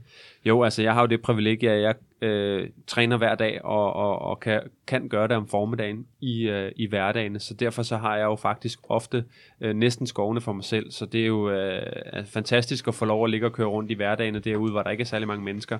Øh, hvis jeg indimellem har fået forvildet mig ud øh, i en weekend, øh, hvor, hvor, hvor der er super lækker sommervejr, så finder man ud af, at, at, at så er det lige pludselig ikke så sjovt at køre gravel, i hvert fald ikke her omkring København. Øhm, fordi at, øh, ja, øh, altså skoven er jo for alle, og, øh, og vi skal dele os om skoven øh, med dem, der er ude at lufte hund, og dem, der er ude at gå tur, og øh, jeg, jeg synes, det er vigtigt, at man, man udviser en stor respekt øh, øh, for alle, der er i skoven, og derfor så, så er der bare for mange øh, gange, man skal, man skal holde tilbage og stoppe op i weekenderne, når der er mange mennesker i skoven. Ja, det er godt at udvise respekt. Og, Enig. Ja. Prøv at høre, nu øh, nævnte jeg før det der med, øh, øh, hvad er forskellen egentlig, når en pro-rytter går ud og kører de her øh, strækninger i forhold til øh, forskellen på en, en, en supermotionist.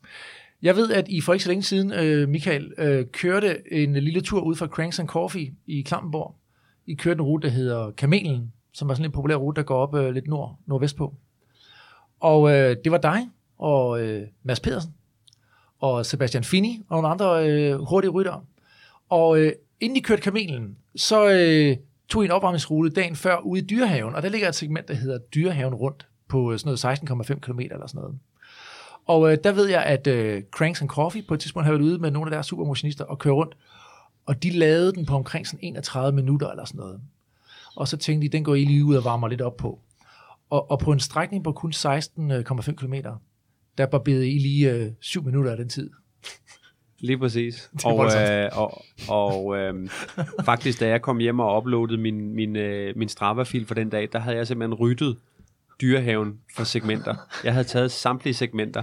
Og det er altså, vi var, vi var seks eller syv øh, professionelle, der havde kørt rulleskift rundt i... Øh, Det er heller ikke i fair. Dyrehaven. Det er simpelthen ikke fair. Nej, men det fantastiske er, at, øh, at jeg sidder her og føler mig som en gammel øh, snu rev, fordi jeg formåede simpelthen at rydde de her øh, KM'er. Jeg så dem alle sammen. Ah, det er stærkt. Øh, og jeg snakkede med Simon Andreasen dagen efter, fordi han er jo... Ja, han var også med, ikke? Ja, jo, han, det var faktisk det var hans idé. Altså, han havde gået ned i den der Cranks and Coffee og hørt på, at de her øh, øh, ansatte, de havde kørt den her fantastiske tur, og de havde en tid på omkring 30 minutter, og det var der ingen, der kunne slå. Og det havde han selvfølgelig sagt, det kunne han med hans venner. Og så havde vi jo selv det her stærke hold, og så bankede vi rundt i dyrehaven. Øh, vi blev kun stoppet øh, to gange af, af, en- af en pige, der skulle op på en hest, og en familie, der, øh, der gik og kiggede på fugle. Øh, men ellers så... De var der ikke så længe, de fugle. der. så fik vi, øh, så fik vi altså kørt en, en, en mega hurtig tid rundt i skoven der, og øh, når jeg, den historie, Simon fortalte mig, det var jo, at han var kommet hjem og uploadet sin Strava, og selvfølgelig fået alle de her KOM'er, øh, lige ind til om aftenen, hvor hans telefon begyndte at bimle, da jeg havde uploadet min, og jeg havde snuppet dem alle sammen. Så, så jeg har altså fået timet mine føringer rigtig godt rundt i, øh, i dyrehaven den dag. Og jeg, jeg, tvivler, jeg, eller jeg tænker faktisk på, at den kommer til at stå længe, den der. Ja, men det tvivler jeg faktisk lidt på, fordi at det, det er jo noget nær en ultimativ rekord, mm. men de her mountainbike og crossrytter, de kan altså ikke have siddende på sig, at det er mig, der har øh, Strava-rekorden ude i dyrehaven. De bliver simpelthen nødt til at tage sig sammen og få den smadret, tror jeg. Så der er, lige- der, der er noget i vente der. I skal finde et par motorer, der kan være med til det rulleskift, der tænker jeg, hvis det skal kunne lade sig give sig. Men prøv apropos den her fart, vi skal snakke om i dag. Øh, Jesper og Michael, hvad, øh, hvad er det første, I vil give folk, som, som kører godt på cykel, råd til, hvordan de kan få mere fart i, øh, i gravelcyklen? Altså om det så er noget, hvordan de skal arbejde med sig selv, eller med cyklen? Jamen det første, det er jo egentlig vigtigt, altså I, I snakkede også om det med de to mekanikerdrenge hen. Det første er jo at have en cykel, der er sat rigtigt op, og så er det at sat op med det rigtige dæk og det rigtige dæktryk. Det er sådan set det first point. Og så er det jo egentlig bare, hvis man vil have fart i, så er det, som Michael også siger, giv den, giv den noget gas, når man er derude. Og jeg synes altid, det er sjovt det her med, at jamen, hver gang der er en stigning, en lille bakke eller et eller andet, så er det bare hammer til den henover. Og når man har gjort det et, et par uger, så begynder man altså ret hurtigt at kunne mærke, at øh, det hjælper lidt på formen. Og så er det også at køre det rigtige gear. Det kan man også godt se, der er mange, der, er mange, der kigger, og det kan man personligt også hurtigt komme til, hvis man har været kørt lidt for stærkt tidligt på turen, så kan man godt komme til at køre lidt tung gear længere ind på turen, og så knækker filmen altså ret hurtigt. Og det ser man også, der er mange, der gør, når de kører skoven. Så det rigtige gear, det rigtige dæktryk, og så give den gas. Michael? Jamen, jeg vil faktisk sige, at øh, et rigtig godt tip øh, i forhold til at få maksimal glæde ud af at køre gravel, øh, det er at forberede sig ordentligt, øh, så man ikke bare sidder hjemme og gør sin cykel klar, og, og siger, nu kører jeg ud i Harskoven, og så kører jeg lidt rundt. Fordi så kommer du bare ud og kører på de store stier, og så ligger du der og kører lidt højre og venstre, og så kommer du ud til en vej, og som vi snakker om før, så er man helt øh, rundt forvirret. Men hvis nu man sidder dagen inden, eller bare inden man kører afsted, og bruger lidt tid på at planlægge en tur, øh, markere øh, nogle spor, man, man, man, man, man rammer, øh, og, så, og så sætter det ind på sin GPS-computer, så får man altså en fantastisk fed oplevelse derude i skoven. Altså jeg synes, det er alfa og omega, at man ligesom prøver på at få, få planlagt en rute, så man ikke bare kører rundt på må og få, fordi så er det altså svært at finde de rigtige stier. Og øh, det, som jeg har øh, fundet ud af nogle gange, det er, at man må ikke ryge ud på, på hestestier. Og, øh, og, og det har ikke noget at gøre med, at uh, man kan risikere at møde en, en hest, som hopper rundt og som er smadret farlig og alt det her. Det er simpelthen fordi, at de her hestestier, de er så modbydeligt tunge at køre på. Du kan næsten ikke, det er jo ligesom at køre i en, i en sandkasse. Ja. Så uh, det, er, det er en total dræber at ryge på sådan en hestesti. Hvad, hvad uh, gearing, når I kører rundt? Er I på uh, en klinge, to klinge setup? Hvad er I på? Jamen altså, jeg kører ingen klinge setup, øh, og det gør jeg simpelthen bare fordi, at, øh, at jeg kan godt lide, når ting er simple. Øh, men jeg kan jo også se, at øh, alle de dygtige, de kører med to foran, så der er jo klart, at, øh, at, at der er jo lidt øh, mere at vælge imellem. Men personligt så har jeg faktisk fundet, ud, fundet frem til, at, at jeg kører med, lige nu har jeg en, en 40 tandskling foran, og så kører jeg med en 11-30 kassette bagpå og det dækker mine behov øh, totalt. Altså, jeg kører meget, meget sjældent i elveren, så skal der være medvind, øh, ned og få tunen ude i, øh, i dyrehaven, hvis jeg skal bruge noget, der er, mindre end en elver. Og øh, så kører jeg ikke øh, de helt skrabe stigninger, men hvis jeg rammer en skrab stigning, så klarer jeg mig også i 30'erne. Og hvad med dæk? Hvad kører du med bredde der? Jamen, der kører sådan øh, meget standard, øh, eller hvad skal man sige, en mellembredde på 35 mm. Øh, hvis du skal køre cykelcross, så, så kører du noget smallere. Øh, og jeg har også øh, modsat set, at dem, der kører øh, rigtig gravel, de har nogle ordentlige øh, sutter på. Øh, næsten mountainbike dæk. Jeg synes sådan 35 mm dæk, det er, det er et perfekt øh, all-round dæk. Og, og så som Jesper sagde før, så for at, at få god fart og få, få cyklen til at fungere, øh, undgå punkteringer, øh, så er Alfa Omega også at have øh, det rigtige dæktryk. Og øh, personligt har jeg også fundet en kæmpe stor glæde ved at køre med, med tubeless mm. øh, på cross, netop fordi du... Øh, undgår øh, at, at, klemme slangen. Øhm, og, øh, Hvad og er jeg det kan... rigtige dæktryk så? Hvad er vi? Det er et godt ja, spørgsmål. Jamen, der synes jeg jo, at, at det er, det var ikke så meget for at sidde og kloge mig på her, fordi jeg føler mig jo lidt, som jeg siger til Sebastian Finney, som en, øh, en motionist, der, der er kommet ud i skoven, fordi jeg ligger og bare... Og Sebastian Finney, skal vi lige sige, er jo 16 gange dansk mester eller sådan noget i både cross og... Og mountainbike. Og mountainbike, og, ja, ja. Altså, ham og Simon Andreasen er jo noget af det ypperste, vi kan finde herhjemme, ja. Øh, når vi snakker om at, at køre ud i skoven, og øh, når jeg er så ude og køre med ham, så føler jeg mig lidt som sådan en, en motionist, der har forvildt mig ind på, øh, på hans terræn. Øh, så, så er det jo nok i virkeligheden ham, der skulle svare på sådan noget med dæktryk. Men min personlige erfaring her er jo, at, øh, at lige nu der ligger jeg på lige under to bar, når jeg kører cross, altså på sådan noget 1,8. Øh, og, øh, og det fungerer altså rigtig godt, øh, både i forhold til at undgå punkteringer, øh, også i forhold til ikke at, at, at hamre fæl, fælgen ned i, øh, når man rammer nogle rødder eller nogle mm. sten, øh, og så samtidig have rigtig god, øh, rigtig lav øh, rullemodstand.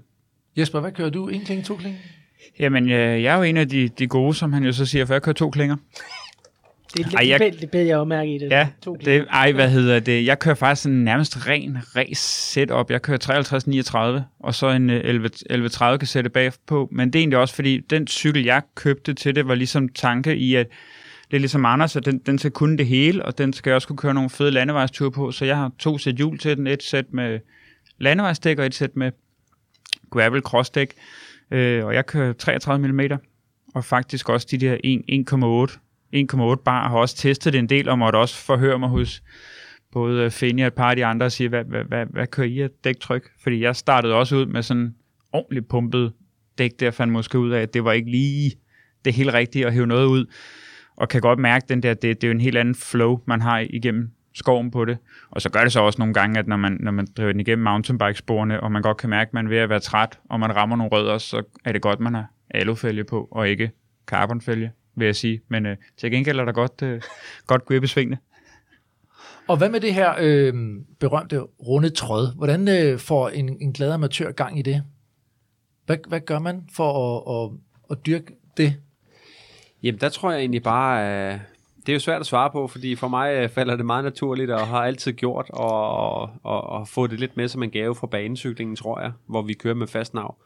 Men, øh, men noget, der altså en, en fedus til måske at ramme det, det er jo at køre, prøve at tvinge sig selv til at køre lidt lavere gear. Øh, hele tiden et gear lavere end det, man ellers gør.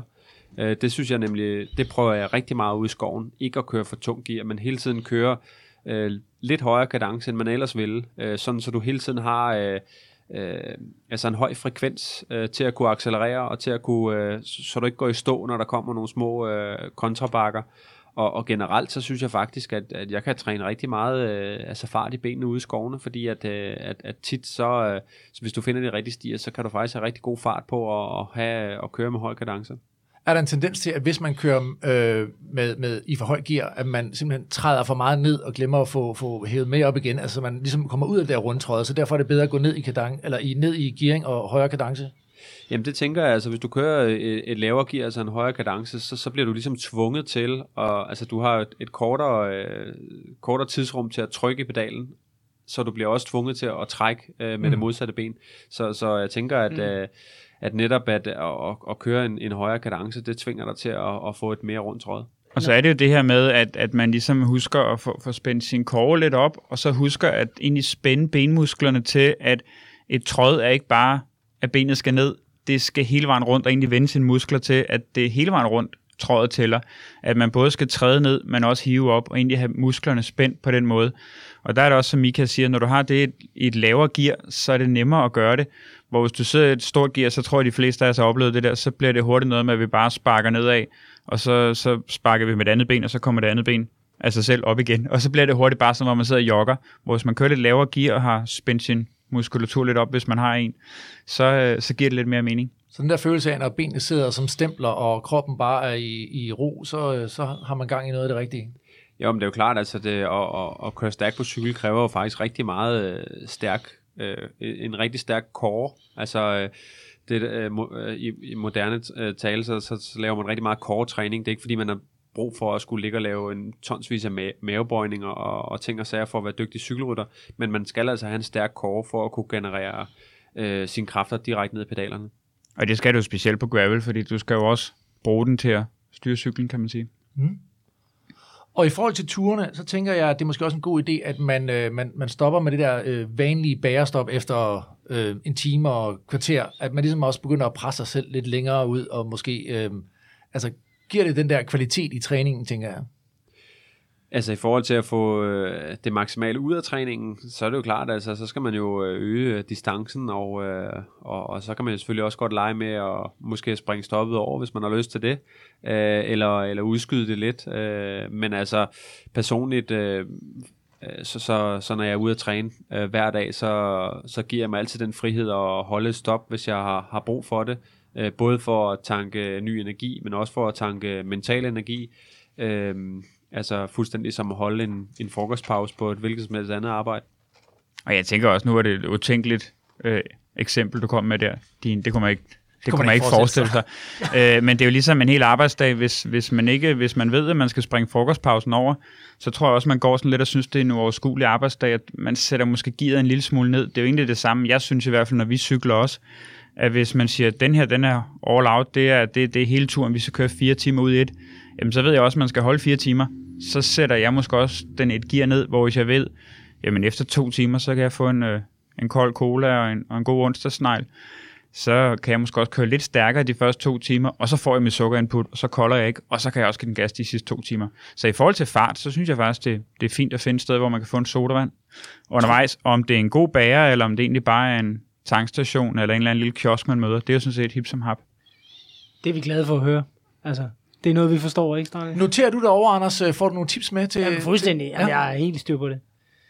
Men det er jo også noget med indstilling at gøre. Det, det er det jo. Altså, fordi jeg tror, man kan simpelthen dele folk op i, at nogen kan bare lide at køre ud og få den der Explorer-oplevelse, øh, nyde naturen, og de har ikke brug for at køre stærkt. Men nu har vi jo valgt i dag også at fokusere på dem, som siger, de vil godt ud og mærke lidt smerte og give den lidt gas.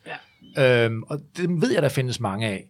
Så, så dem vil vi jo gerne lige øh, servicere lidt i den her udsendelse. Er der, er der andet, I vil byde ind med i forhold til, hvordan øh, folk får, får mere fart på derude, eller øh, en indstilling, de skal, de skal ændre i, i deres øh, træningsform? Jeg vil godt tænke at spørge noget her, fordi det, det der med core og så videre, man ser tit nogle øvelser, der bliver lagt op på diverse forer og sådan noget med øh, lunches og planken og alle de her. Benytter I også alle de her klassiske øvelser? Øh, altså jeg gør, øh, det, her, det er jo en fast del af min træning, ja, ja. Øh, styrketræning, øh, og altså mit styrketræning er, er egentlig meget lidt styrke, øh, og rigtig meget core, mm. øh, fordi det netop er at, at, den måde, man får genereret kræfter ned i pedalerne, så det er, det er en stor del af min træning at lave, lave core-øvelser, det er det. De tre bedste øvelser? Jamen altså, det er, det er lunges, det er squat, og, og, og så måske planken. Så man, øh, altså jeg vil, sige, jeg vil faktisk sige, at den bedste core jeg overhovedet øh, øh, kan finde på, det er, det er squat, fordi den, den, den tager bare fat i det hele. En, en super øvelse, som alle kan lave, og som er rigtig god, det er simpelthen bare at finde sig et, øh, et kosteskaft, øh, tage det i begge hænder, op over hovedet, øh, så, så, så, så langt øh, armene de er op mod, og så øh, simpelthen øh, lave squat på den måde, øh, fordi på den måde, der spænder du fuldstændig ud i ryggen, øh, så du, du træner hele ryggen ved at, at lave squat på den måde, og så er det simpelthen bare med at komme så langt ned som muligt, og hvis du laver 20 af dem øh, op og ned med, med kosteskaftet op, øh, op under loftet, så lover der for, at det er hård træning. Jeg, jeg forsøgte mig med de der squat på et tidspunkt her i vinters. Jeg fik simpelthen så ømme balle lysken efter det. Det var en, øh, det var en ikke så behagelig oplevelse. Og det var tegn på, at det virker jo. Ja, ja det er rigtigt. Okay. Jo. Det er så nu skal jeg bare have kosteskaftet med også næste gang. Det bliver fedt. Men der er jo faktisk en ting, vi ikke taler om lige nu, og det er restitution. Hvad siger I om det? Hvor vigtigt er det? Fordi jeg tror, folk har en tilbøjelighed til at bare vil ud på cyklen igen. Skal man nogle gange holde igen? Ja, det, restitution er vigtigt, og jeg vil sige, jeg har måske fundet ud af det endnu mere efter, at man sådan stopper med at køre rigtig cykelløb, fordi når du, når du kører cykel med nummer på ryggen og på et vis højt niveau, så er du aldrig sådan rigtig frisk, frisk. Så er du altid sådan en lille smule træt, og når du skal ud og træne, så er det altid sådan de første kvarter 20 minutter, så man tænker, ah, jeg skal godt nok lige have hul igennem øh, motoren her, og så får man hul igennem, og så kan man køre stærkt.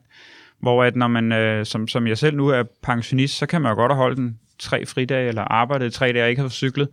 Og så finder man altså hurtigt lige pludselig ud af, når man så kommer ud der, som vi snakkede om før, så har man altså hul igennem til motoren og finder ud af, okay, den der fuldt restituerede krop, den, øh, den kan også noget.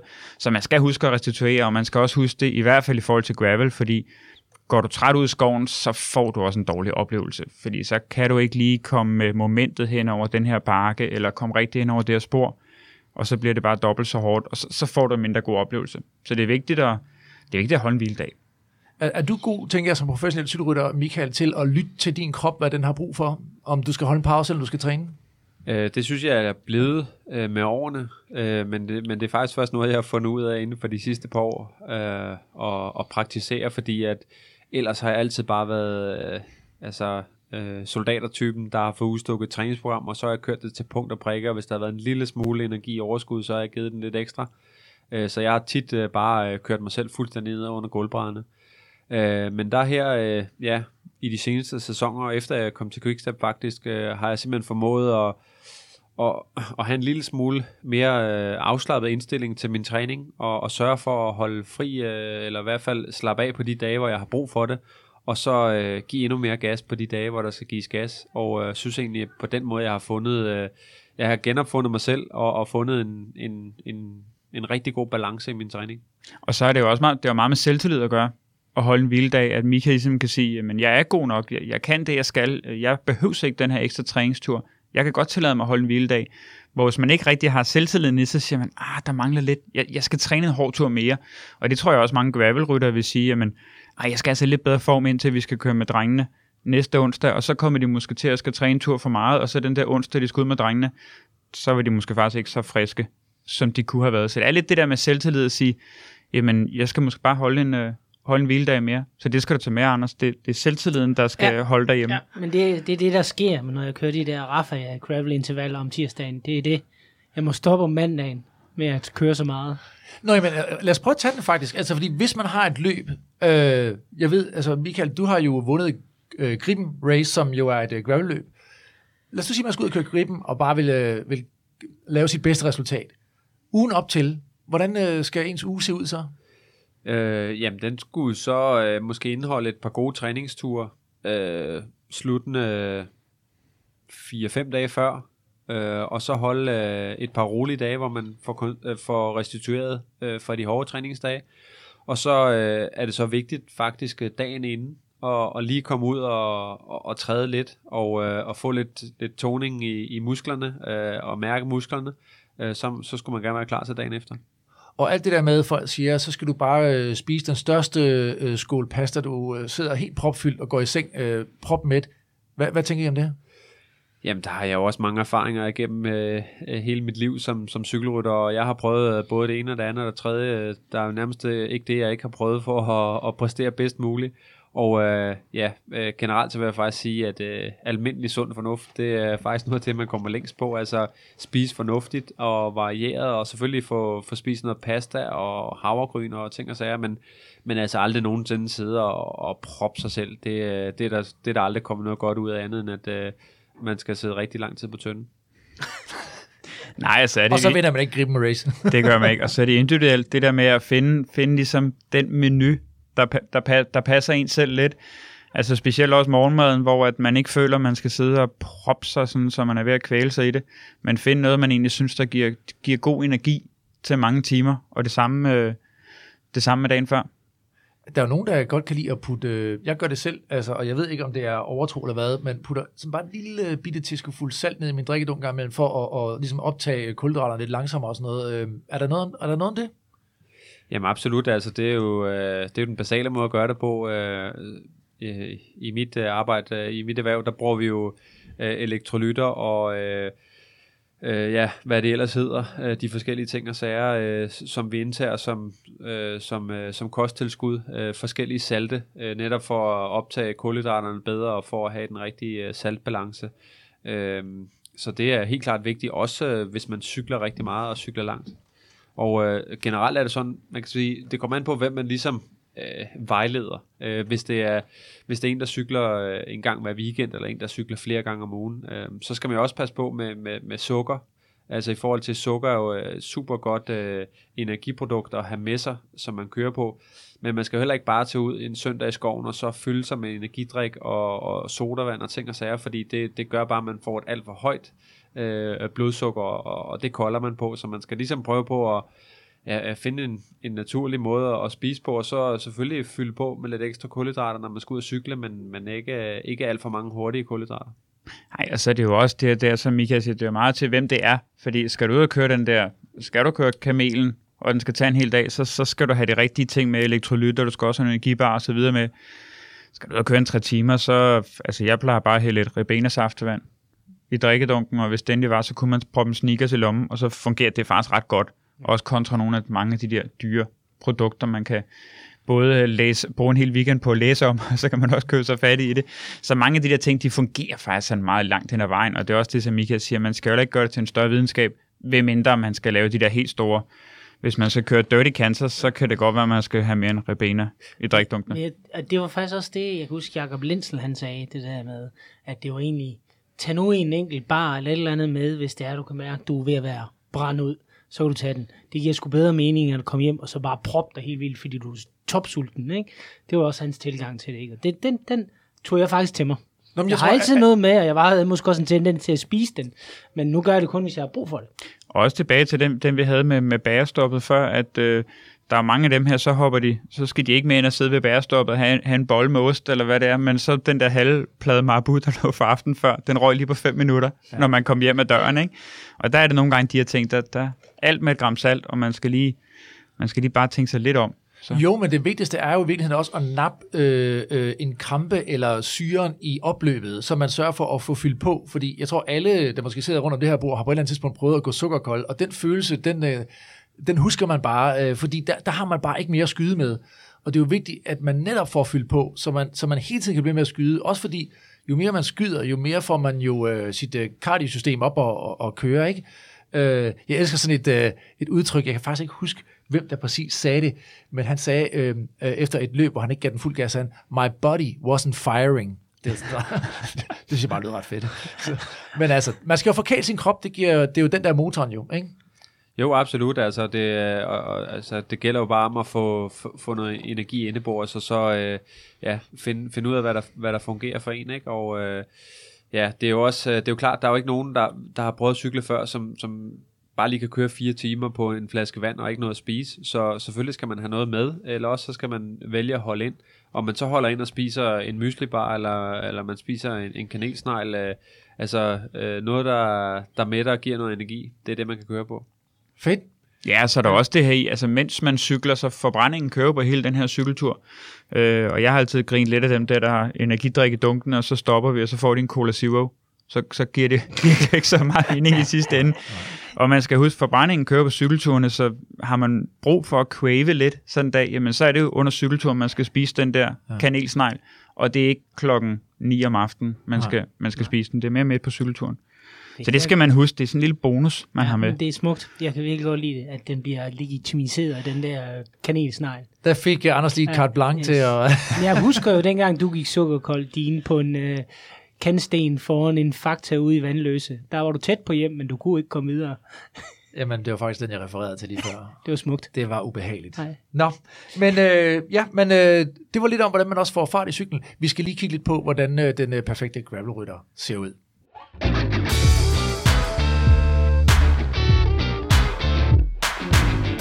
Hvem er egentlig den bedste gravelrytter i verden?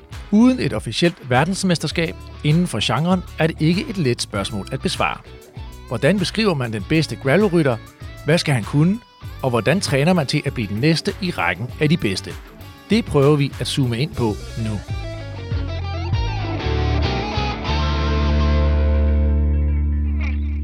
Det er jo et faktum, at der ikke findes et øh, officielt verdensmesterskab i gravelcykling.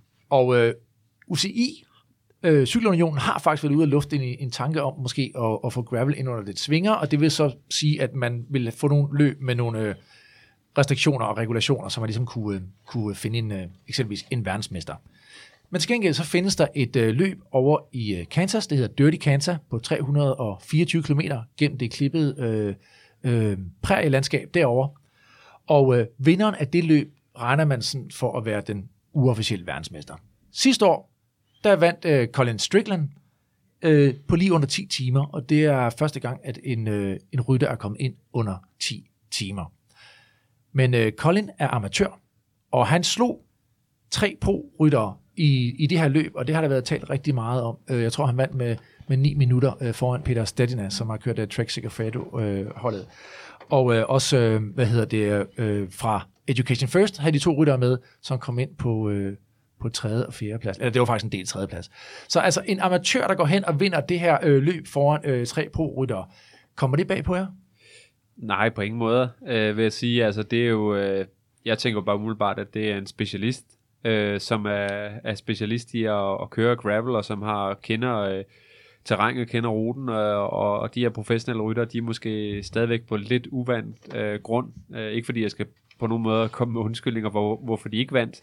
Øh, men, men jeg tænker da bare, at ham her, der har banket dem med, med 9 minutter, han er, han er specialist i det her.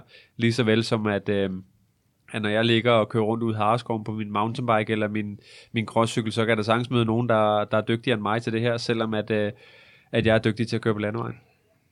Jesper, kom det bag på dig?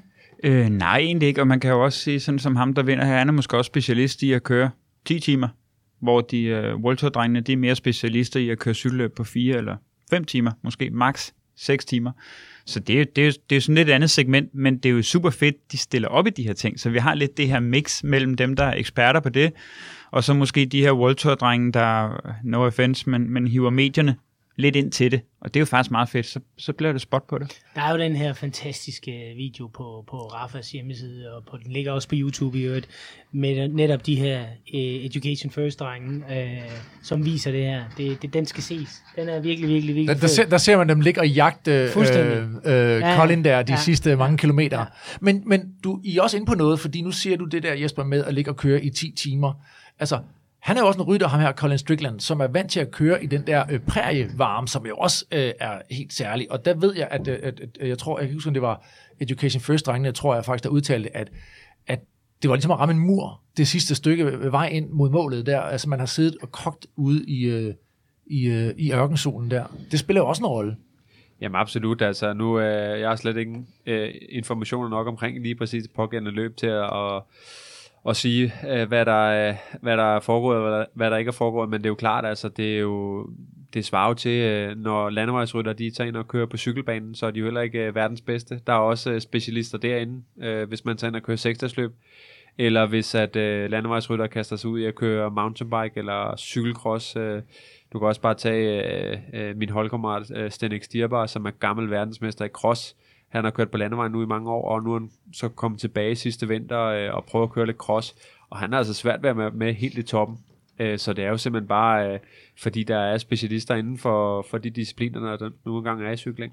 Altså nu tror jeg, øh, nu, nu bevæger jeg mig ud på et, et lille sidespor, men der har lige kørt sådan en Michael Jordan-dokumentar øh, på Netflix, og rigtig mange har set den her i coronapausen.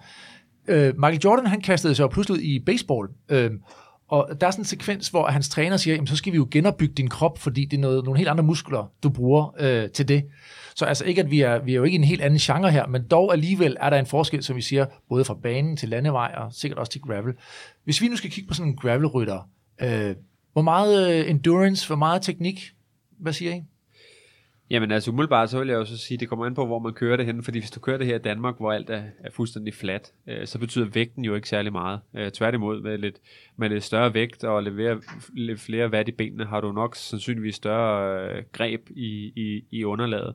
Øh, men hvis vi snakker gravel som sådan noget Dirty Kansas, hvor der sandsynligvis også er nogle højdemeter på, og hvor det er det her med, at du arbejder i 10 timer, jamen så vil du nok hellere øh, være opbygget som sådan en øh, kenyansk øh, maratonløber, øh, lille og spinkel, og have de her øh, øh, meget øh, øh, ja, udholdende muskler, mere end du vil være eksplosiv.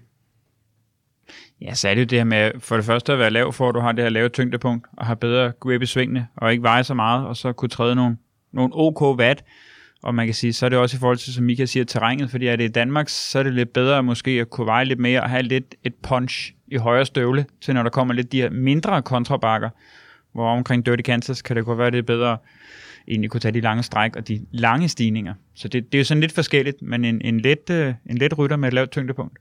Tror I, man kommer til at se flere af de her World, World Tour rytter ryge over på nogle af de her gravelløb? Jeg tror det ikke. Øh, muligvis kan det være, at der er nogle... Øh, ofte er det jo i USA, sådan nogle ting foregår, fordi at, øh, at sponsorerne de plejer at prøve på at finde øh, nye markeder, og, og, og så bruger de nogle rytter til det. Men, men det, der er meget tit en begrænsning for os, der kører på World Touren, er, at vi har så, så pakket et program, at der simpelthen ikke er, er plads til at, at, at køre noget ud over. Øh, jeg kan bare selv se, hvor svært det er at få lov til at køre øh, på banen indimellem. Øh, fordi vi har ja, fuldstændig pakket landevejskalender. Øh, vi skal have noget pause om vinteren, vi skal genopbygge, og vi skal på træningslejre, så derfor så er det utrolig svært at, at, at presse noget ind imellem. Så selvom at jeg sagde, at jeg vildt godt gad at prøve at køre sådan et Dirty øh, Kansas øh, løb på et eller andet tidspunkt, så ville det ikke være noget, jeg på nogen måde fik mulighed for at køre, øh, mens jeg er aktiv cykelrytter. Der er vel også noget med et mindset, tænker jeg på en gravelrytter, som sagt, der skal ligge derude og køre selv i 10 timer. Altså, Michael, I kører jo som et hold, og der er jo en masse taktik forbundet med det også. Øhm, altså, tror du, at gravel på den måde kunne tiltale dig, det der med, at nu skal du pludselig sidde selv og kæmpe for det hele? Absolut. Øh, jeg faktisk synes faktisk, at det er, er meget tiltalende. Øh, forstået på den måde, at altså, ja, 90% af tiden, når jeg træner, så er det på egen hånd. Og, og, og, og det er jo rigtig, rigtig mange timer øh, for mig selv. Og noget, øh, jeg elsker rigtig meget, det er at bare cykle afsted på sådan en 6-7 timers tur alene. Øh, og bare øh, køre derud af og, øh, og arbejde med mig selv. Og, og arbejde mig igennem den rute, jeg nu engang har planlagt. Øh, så, så der er sådan noget lidt sådan noget, ja, øh, øh, den her følelse af også at komme hjem og have gennemført sådan en lang tur, det er jo en stor tilfredsstillelse, og jeg tror, det er lidt det samme, du får med de her lange øh, cykelløb.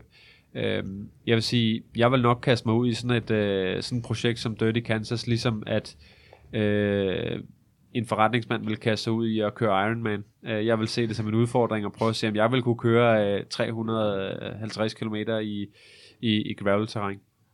Og så er det faktisk meget god sammenligning, Michael laver, fordi det er nok mere lidt de der Ironman-typer, der, der vil passe til et gravel, fordi det er jo også det her med i en Ironman, hvor du skal være, du skal aldrig løbe, svømme, cykle sådan rigtig stærkt, men det, du skal have det med en, man kan sige en stram kæde, og det er jo det samme, når du skal køre 10 timer streg, du skal aldrig køre sådan i rød zone, men du skal holde stram kæde hele vejen.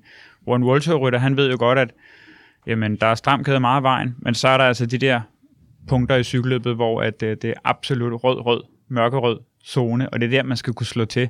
Og der kan man sige, sådan Dirty Kansas er lidt anderledes. Altså, og så tror jeg også, som Michael siger, det der med, det er jo lidt mere exploren, det er lidt mere det der med, at man har overlevet turen, og det er det samme, når man kører sin måske lidt lange graveltur herhjemme, at man føler, at der midt ude på turen, der stod man faktisk lidt og var sådan, måske ikke i tvivl, om man kom hjem igen, men ligesom var sådan, åh, det er lidt uoverskueligt. Og når man så kommer hjem, så er det sådan, wow, vi survivede den her også. Ja.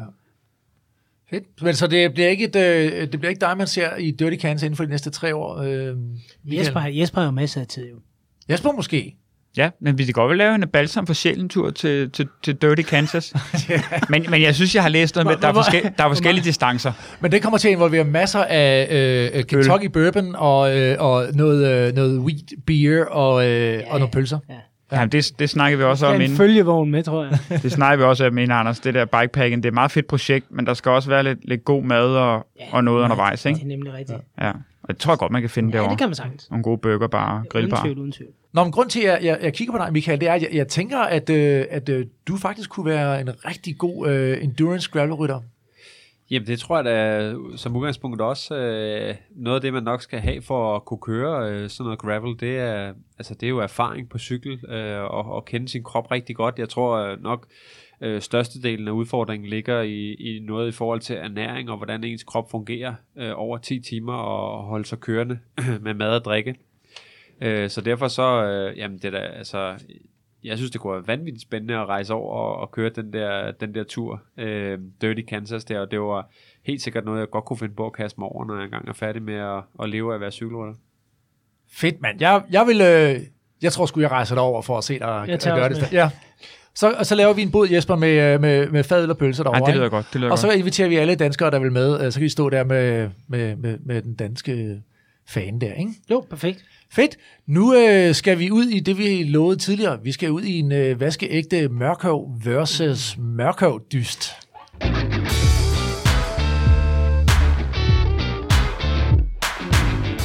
De har kørt mod hinanden om sejren i det populære seksdagsløb. Men så vidt vi ved, har de aldrig dystet imod hinanden i en paratviden-quiz om gamle danske film.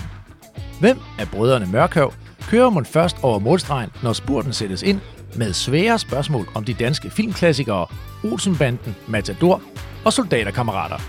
Det er blevet tid til Mørkøv versus Mørkøv.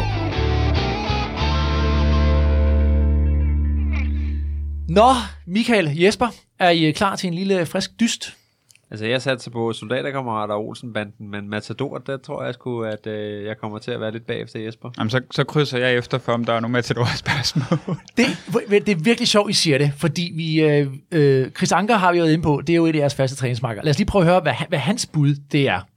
Hvem der vinder quizzen er det, det er et godt spørgsmål. I er jo faktisk to rigtig stærke kandidater. Jeg må nok indrømme, at øh, hvis det primært handler om Matador, så er jeg altså størst vidus til dig, Jesper, men... Øh, hvis det handler om, om det ikke passer mere, jamen så er det altså dig, Michael, der, der er bedst. Øh, jeg vil i hvert fald især sige, at øh, jeg vil blive rigtig skuffet, hvis øh, Jesper ikke kan alle Matador øh, svarene, fordi at øh, vi har set rigtig, rigtig meget Matador sammen. Øh, der er mig. Ud, og selvfølgelig også i lidt anden genre, Shit Happens, men primært Matador. Hvad, hvad er det, Jesper, med Matador? Ja, men uh, Chris og jeg, vi har været en del værelseskammerater de to år, vi kørte på, på rivalholdet, inden, inden han stoppede sin karriere. Jeg også bagefter stoppede min. Øh, og vi, øh, jeg vil sige, vi var begge genre. Det var lige der Shit Happens. Det var, det var rigtig stort og var kommet frem, så vi så både Matador og Shit Happens. Så det vil jeg sige, det er, sådan, det, det er rimelig begge, på begge parter. Øh, og jeg tror, vi, vi joker rimelig meget over for de unge drenge på holdet der, og de- de forstår altså ikke rigtig det der Matador-humor. Men vi har så lavet en Matador-tur nu jo. Mm. Og det er jo, øh, det er jo oppe øh, omkring Holte. Og det hedder så Matador-turen faktisk, fordi man kører jo igennem Mads Gerns forhave. Hvordan For ser, hvordan for ser det ud deroppe, øh, huset? Og... Jamen, det ligner fuldkommen sig selv, okay. som en Matador. Men altså, Ingeborg har endnu ikke øh, putt på kaffe. Og Det det, det, jamen, det er vi faktisk skuffet over, at vi ikke er blevet. Men øh, den, der kører man lige igennem Mads Gerns forhave, faktisk på hans græsplæne, så det er Matador-turen. Fedt. Og øh, vi nævnte tidligere, at de ruter her, blandt andet du har nævnt øh, den der forlægruten og øh, nu Matador-ruten, dem lægger vi op på øh, Ride with GPS under vores øh, Balsam for Sjælen. Der er også øh, to andre ruter. Der er en øh, Ole Ejner-ruten. Ja, Ja. det er den hårdeste. Det er den hårdeste. Og det er, jo med opkaldt ski- efter Ole Arne Bjørndalen.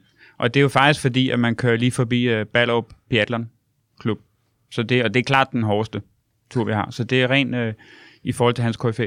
Sådan. Bum. Dem lægger vi op. Den lægger vi op. Og øh, Perfekt. Mi- Michael, øh, øh, soldaterkammerater, og øh, hvad sagde han, Dirk Passersen, hvad, hvordan, hvorfor det? Jamen, det, er- det er bare noget, jeg altid har set hele mit liv. øh, Fra vi var ikke var særlig gamle, så, så faldt vi over de her soldaterkammerater-film og, og Dirk Passer-film. Og jeg husker faktisk en gang, øh, da jeg var... Øh, ja, da jeg var amatørrytter, så, så væltede jeg et hollandsk etabeløb og brækkede øh, min skulder. Øh, og, og var så skadet, og, og skulle simpelthen sidde hjemme på mit værelse der, og med, med en brækket skulder, og vente på det hele. Og øh, på daværende tidspunkt, der øh, var der i bladkioskerne, der solgte de øh, gamle danske film for en 50'er. Så øh, næsten hver gang min mor hun er ude at handle, så kommer hun hjem med, med, med 3-4 nye film. Så jeg fik simpelthen set øh, hele spektret af, af Dirk Passer-film og, og soldaterkammerater, mens jeg lå der og var skadet. Og noget af det øh, mest herlige ved de her film, som jeg øh, ynder rigtig meget, det er, at de er simpelthen så let fordøjelige i forhold til alt andet, man, man ser i dag. At det er bare øh, humor, det er bare... Øh, øh, altså glæde, og, og det er ja, det er lige til at spise. Øh, man skal ikke sidde og følge så nøje med i, hvad der bliver sagt, og det er ikke, det er ikke hardcore krimier, som jeg ellers også øh, godt kan lide at se, men det er bare øh, meget nemt at se de her gamle danske film. Og det er også noget, der holder dig godt dansk, når du er ude på landevejen og, og kører løb med de forskellige øh, lande. Ja, men det kan jeg sagtens. Altså, efter øh, en, en knaldhård etape, et etabeløb, der er det ikke der, man sætter sig ned og ser en, øh, en Barnaby eller en anden øh, krimi, hvor man skal sidde og holde øje med, øh, hvor lå kniven, eller hvem var der på det øh, givende tidspunkt.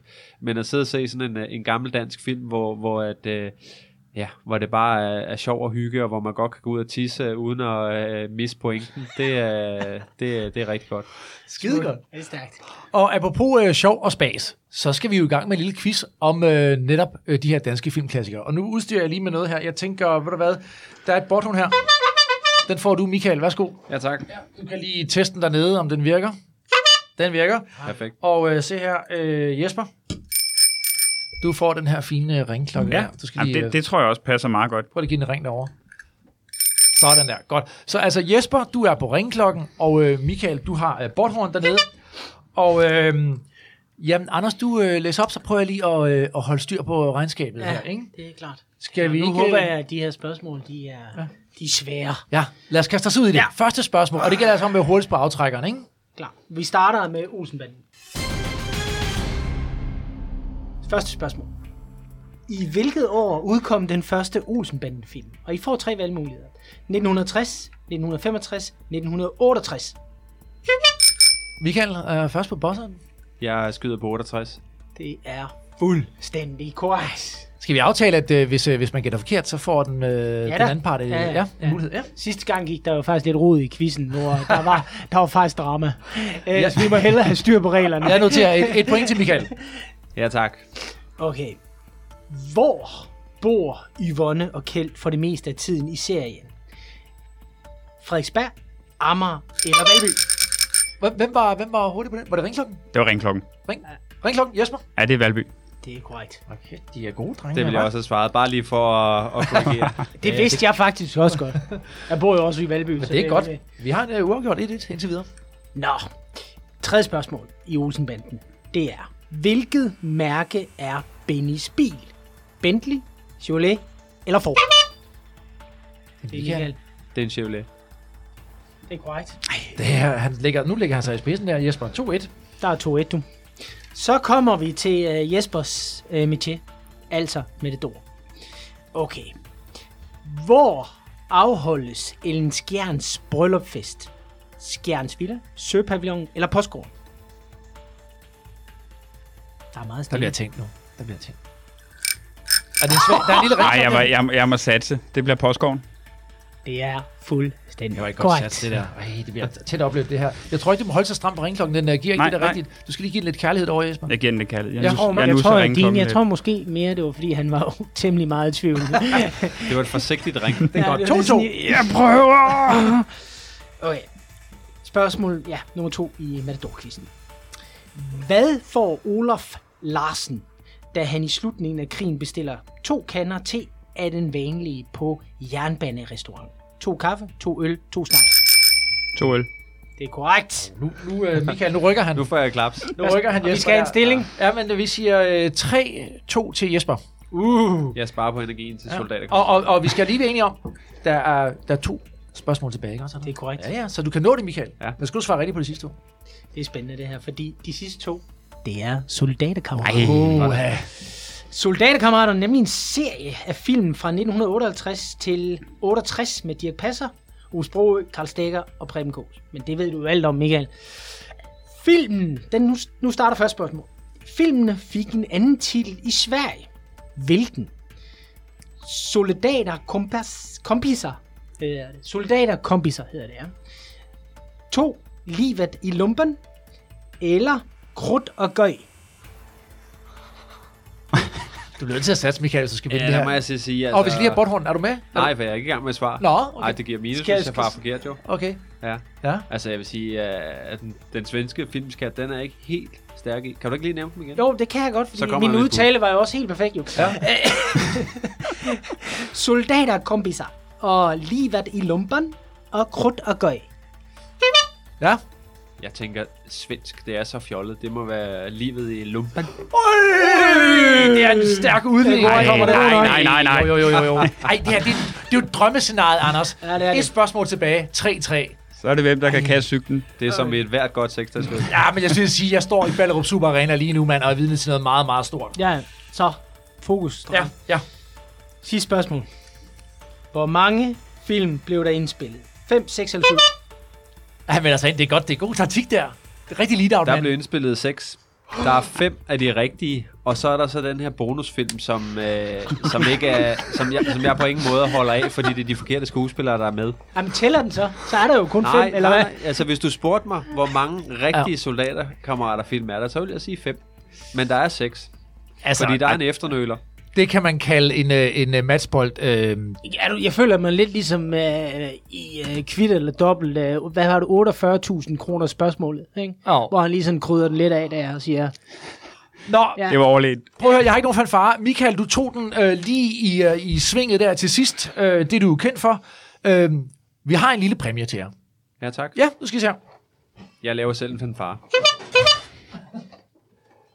Øhm, fordi at øh, det her med at være øh, vild med gamle, dans, gamle danske film, det, øh, det er noget med, at I har mødt Susse Vold ikke, på en af jeres ture oppe i Humlebæk hos Brødsnedgården. Er det ikke rigtigt? Jo, det kan jeg love dig for, vi har. Ja. Det var faktisk øh, mig selv og, og Chris Anker, der var... Jesper, du var ikke med på den Jeg var ikke med den dag, nej. Den oplevelse, den, øh, Den står jeg den er udenfor. du foruden. Øh, og det var mig og, og, og Chris, der holdt hos vores vanlige bager deroppe i Humlebæk, hvor vi øh, elsker at sidde, og, og vi, vi havde lige fået sat os og kigge over på den her ældre dame, må man vel nok gerne sige. Ja, hun er jo Øhm, lige på den anden side af 80'erne. Det var ja. uden tvivl Su- Susse Vold, og, og, og Chris og jeg, vi fik ikke snakket særlig meget øh, øh, under den kop kaffe. Vi var, ja, vi var egentlig fuldstændig øh, starstruck over at sidde der sammen med, med Susse Vold. Fik I sat hej til hende? Øh, jeg tror måske, vi sagde øh, høfligt øh, pænt farvel, da vi listede af.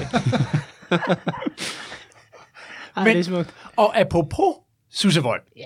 så er hendes mand, Bent Meiding, de er jo begge to også med i Matador i øvrigt. Øh, Bent Meiding fik opkaldt en tærte i selv samme bager efter sig. Øh, jeg tror, det var i forbindelse med hans 80-års fødselsdag. En Bent Meiding tærte. Nej, den hedder bare Mighting Tatten. Hed den bare Meiding Ja, den hedder Godt. bare. Martin Terten, godt.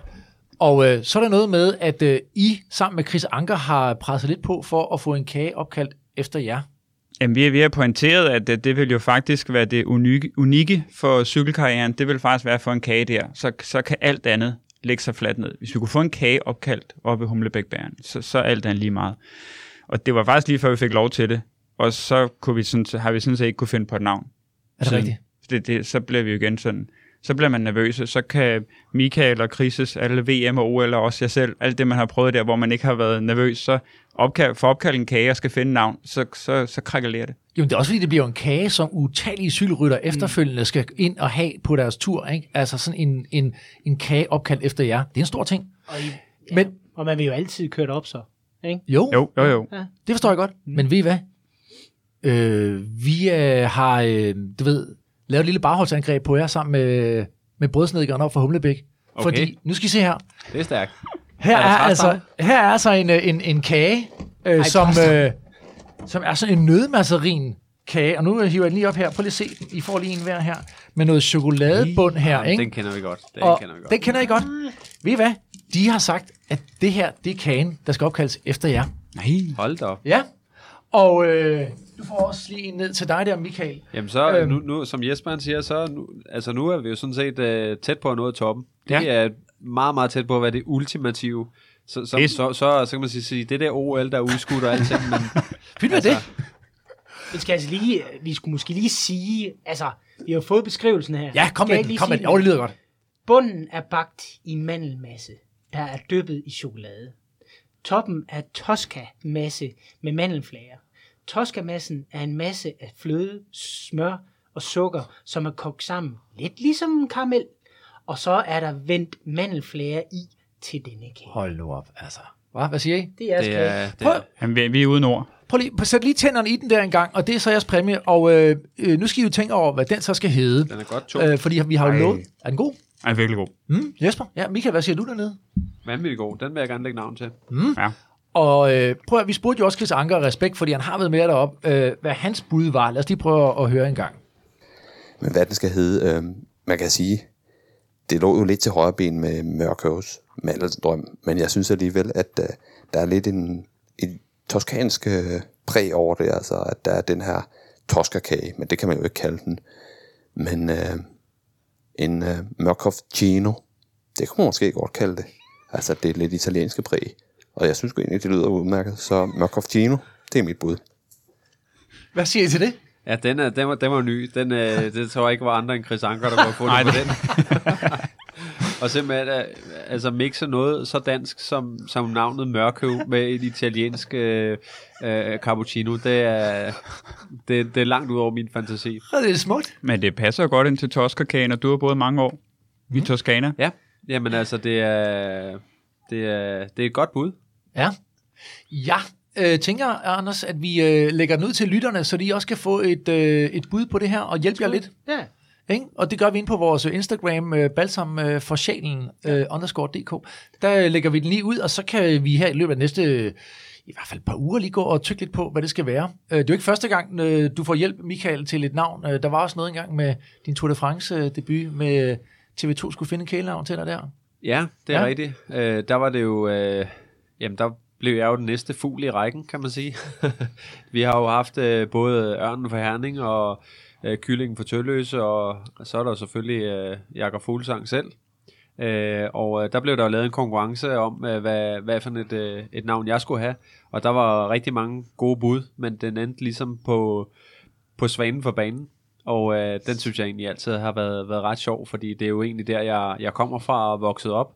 Og øh, ja, det er, det er den, der hænger ved.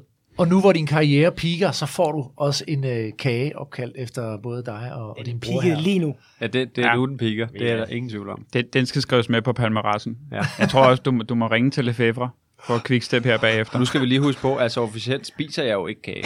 Nej, nej, du er, han har jo taget en meget lille bid af den. Det er næsten en usynlig bid. Og, og, har og ligesom en hver god øh, vinsmagning, så er jeg spyttet ud her spændt ved siden af mig.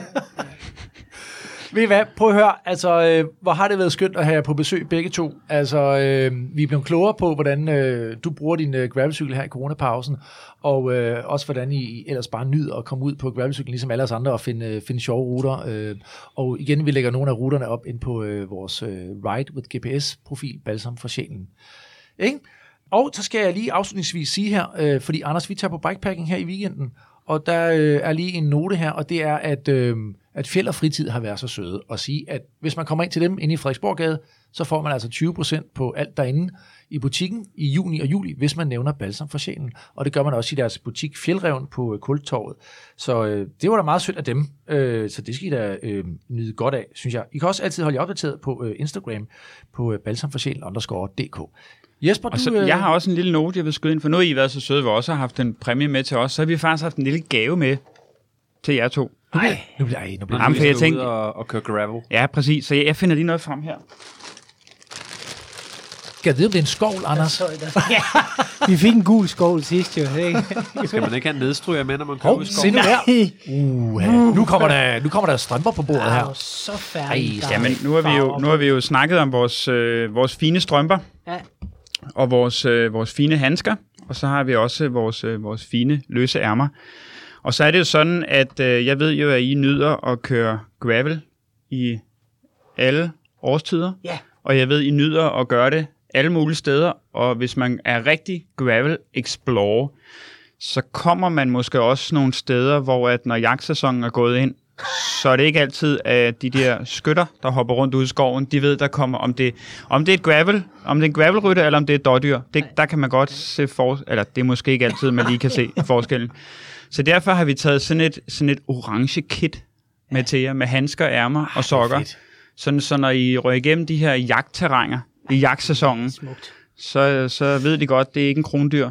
Det er Anders og Dine. Anders og Dine. der Ej, prøv at se her. Der er altså øh, orange high-vis øh, øh, gloves, handsker her, og øh, strømper. Super fedt. Og så, er de, så uden at gøre for meget reklame, så er de så smarte, at der er sådan en electronic touch i de her handsker. Så Anders, når du er faret vildt derude og skal trykke på telefonen eller cykelcomputeren, så behøver du ikke tage dem af. Det er stærkt. Det er simpelthen fantastisk. Ej, var det sødt af jer. Tusind tak. Jeg har en idé. Jeg synes, vi skal, øh, prøv at høre, vi skal, vi skal udlade nogle af dem her også.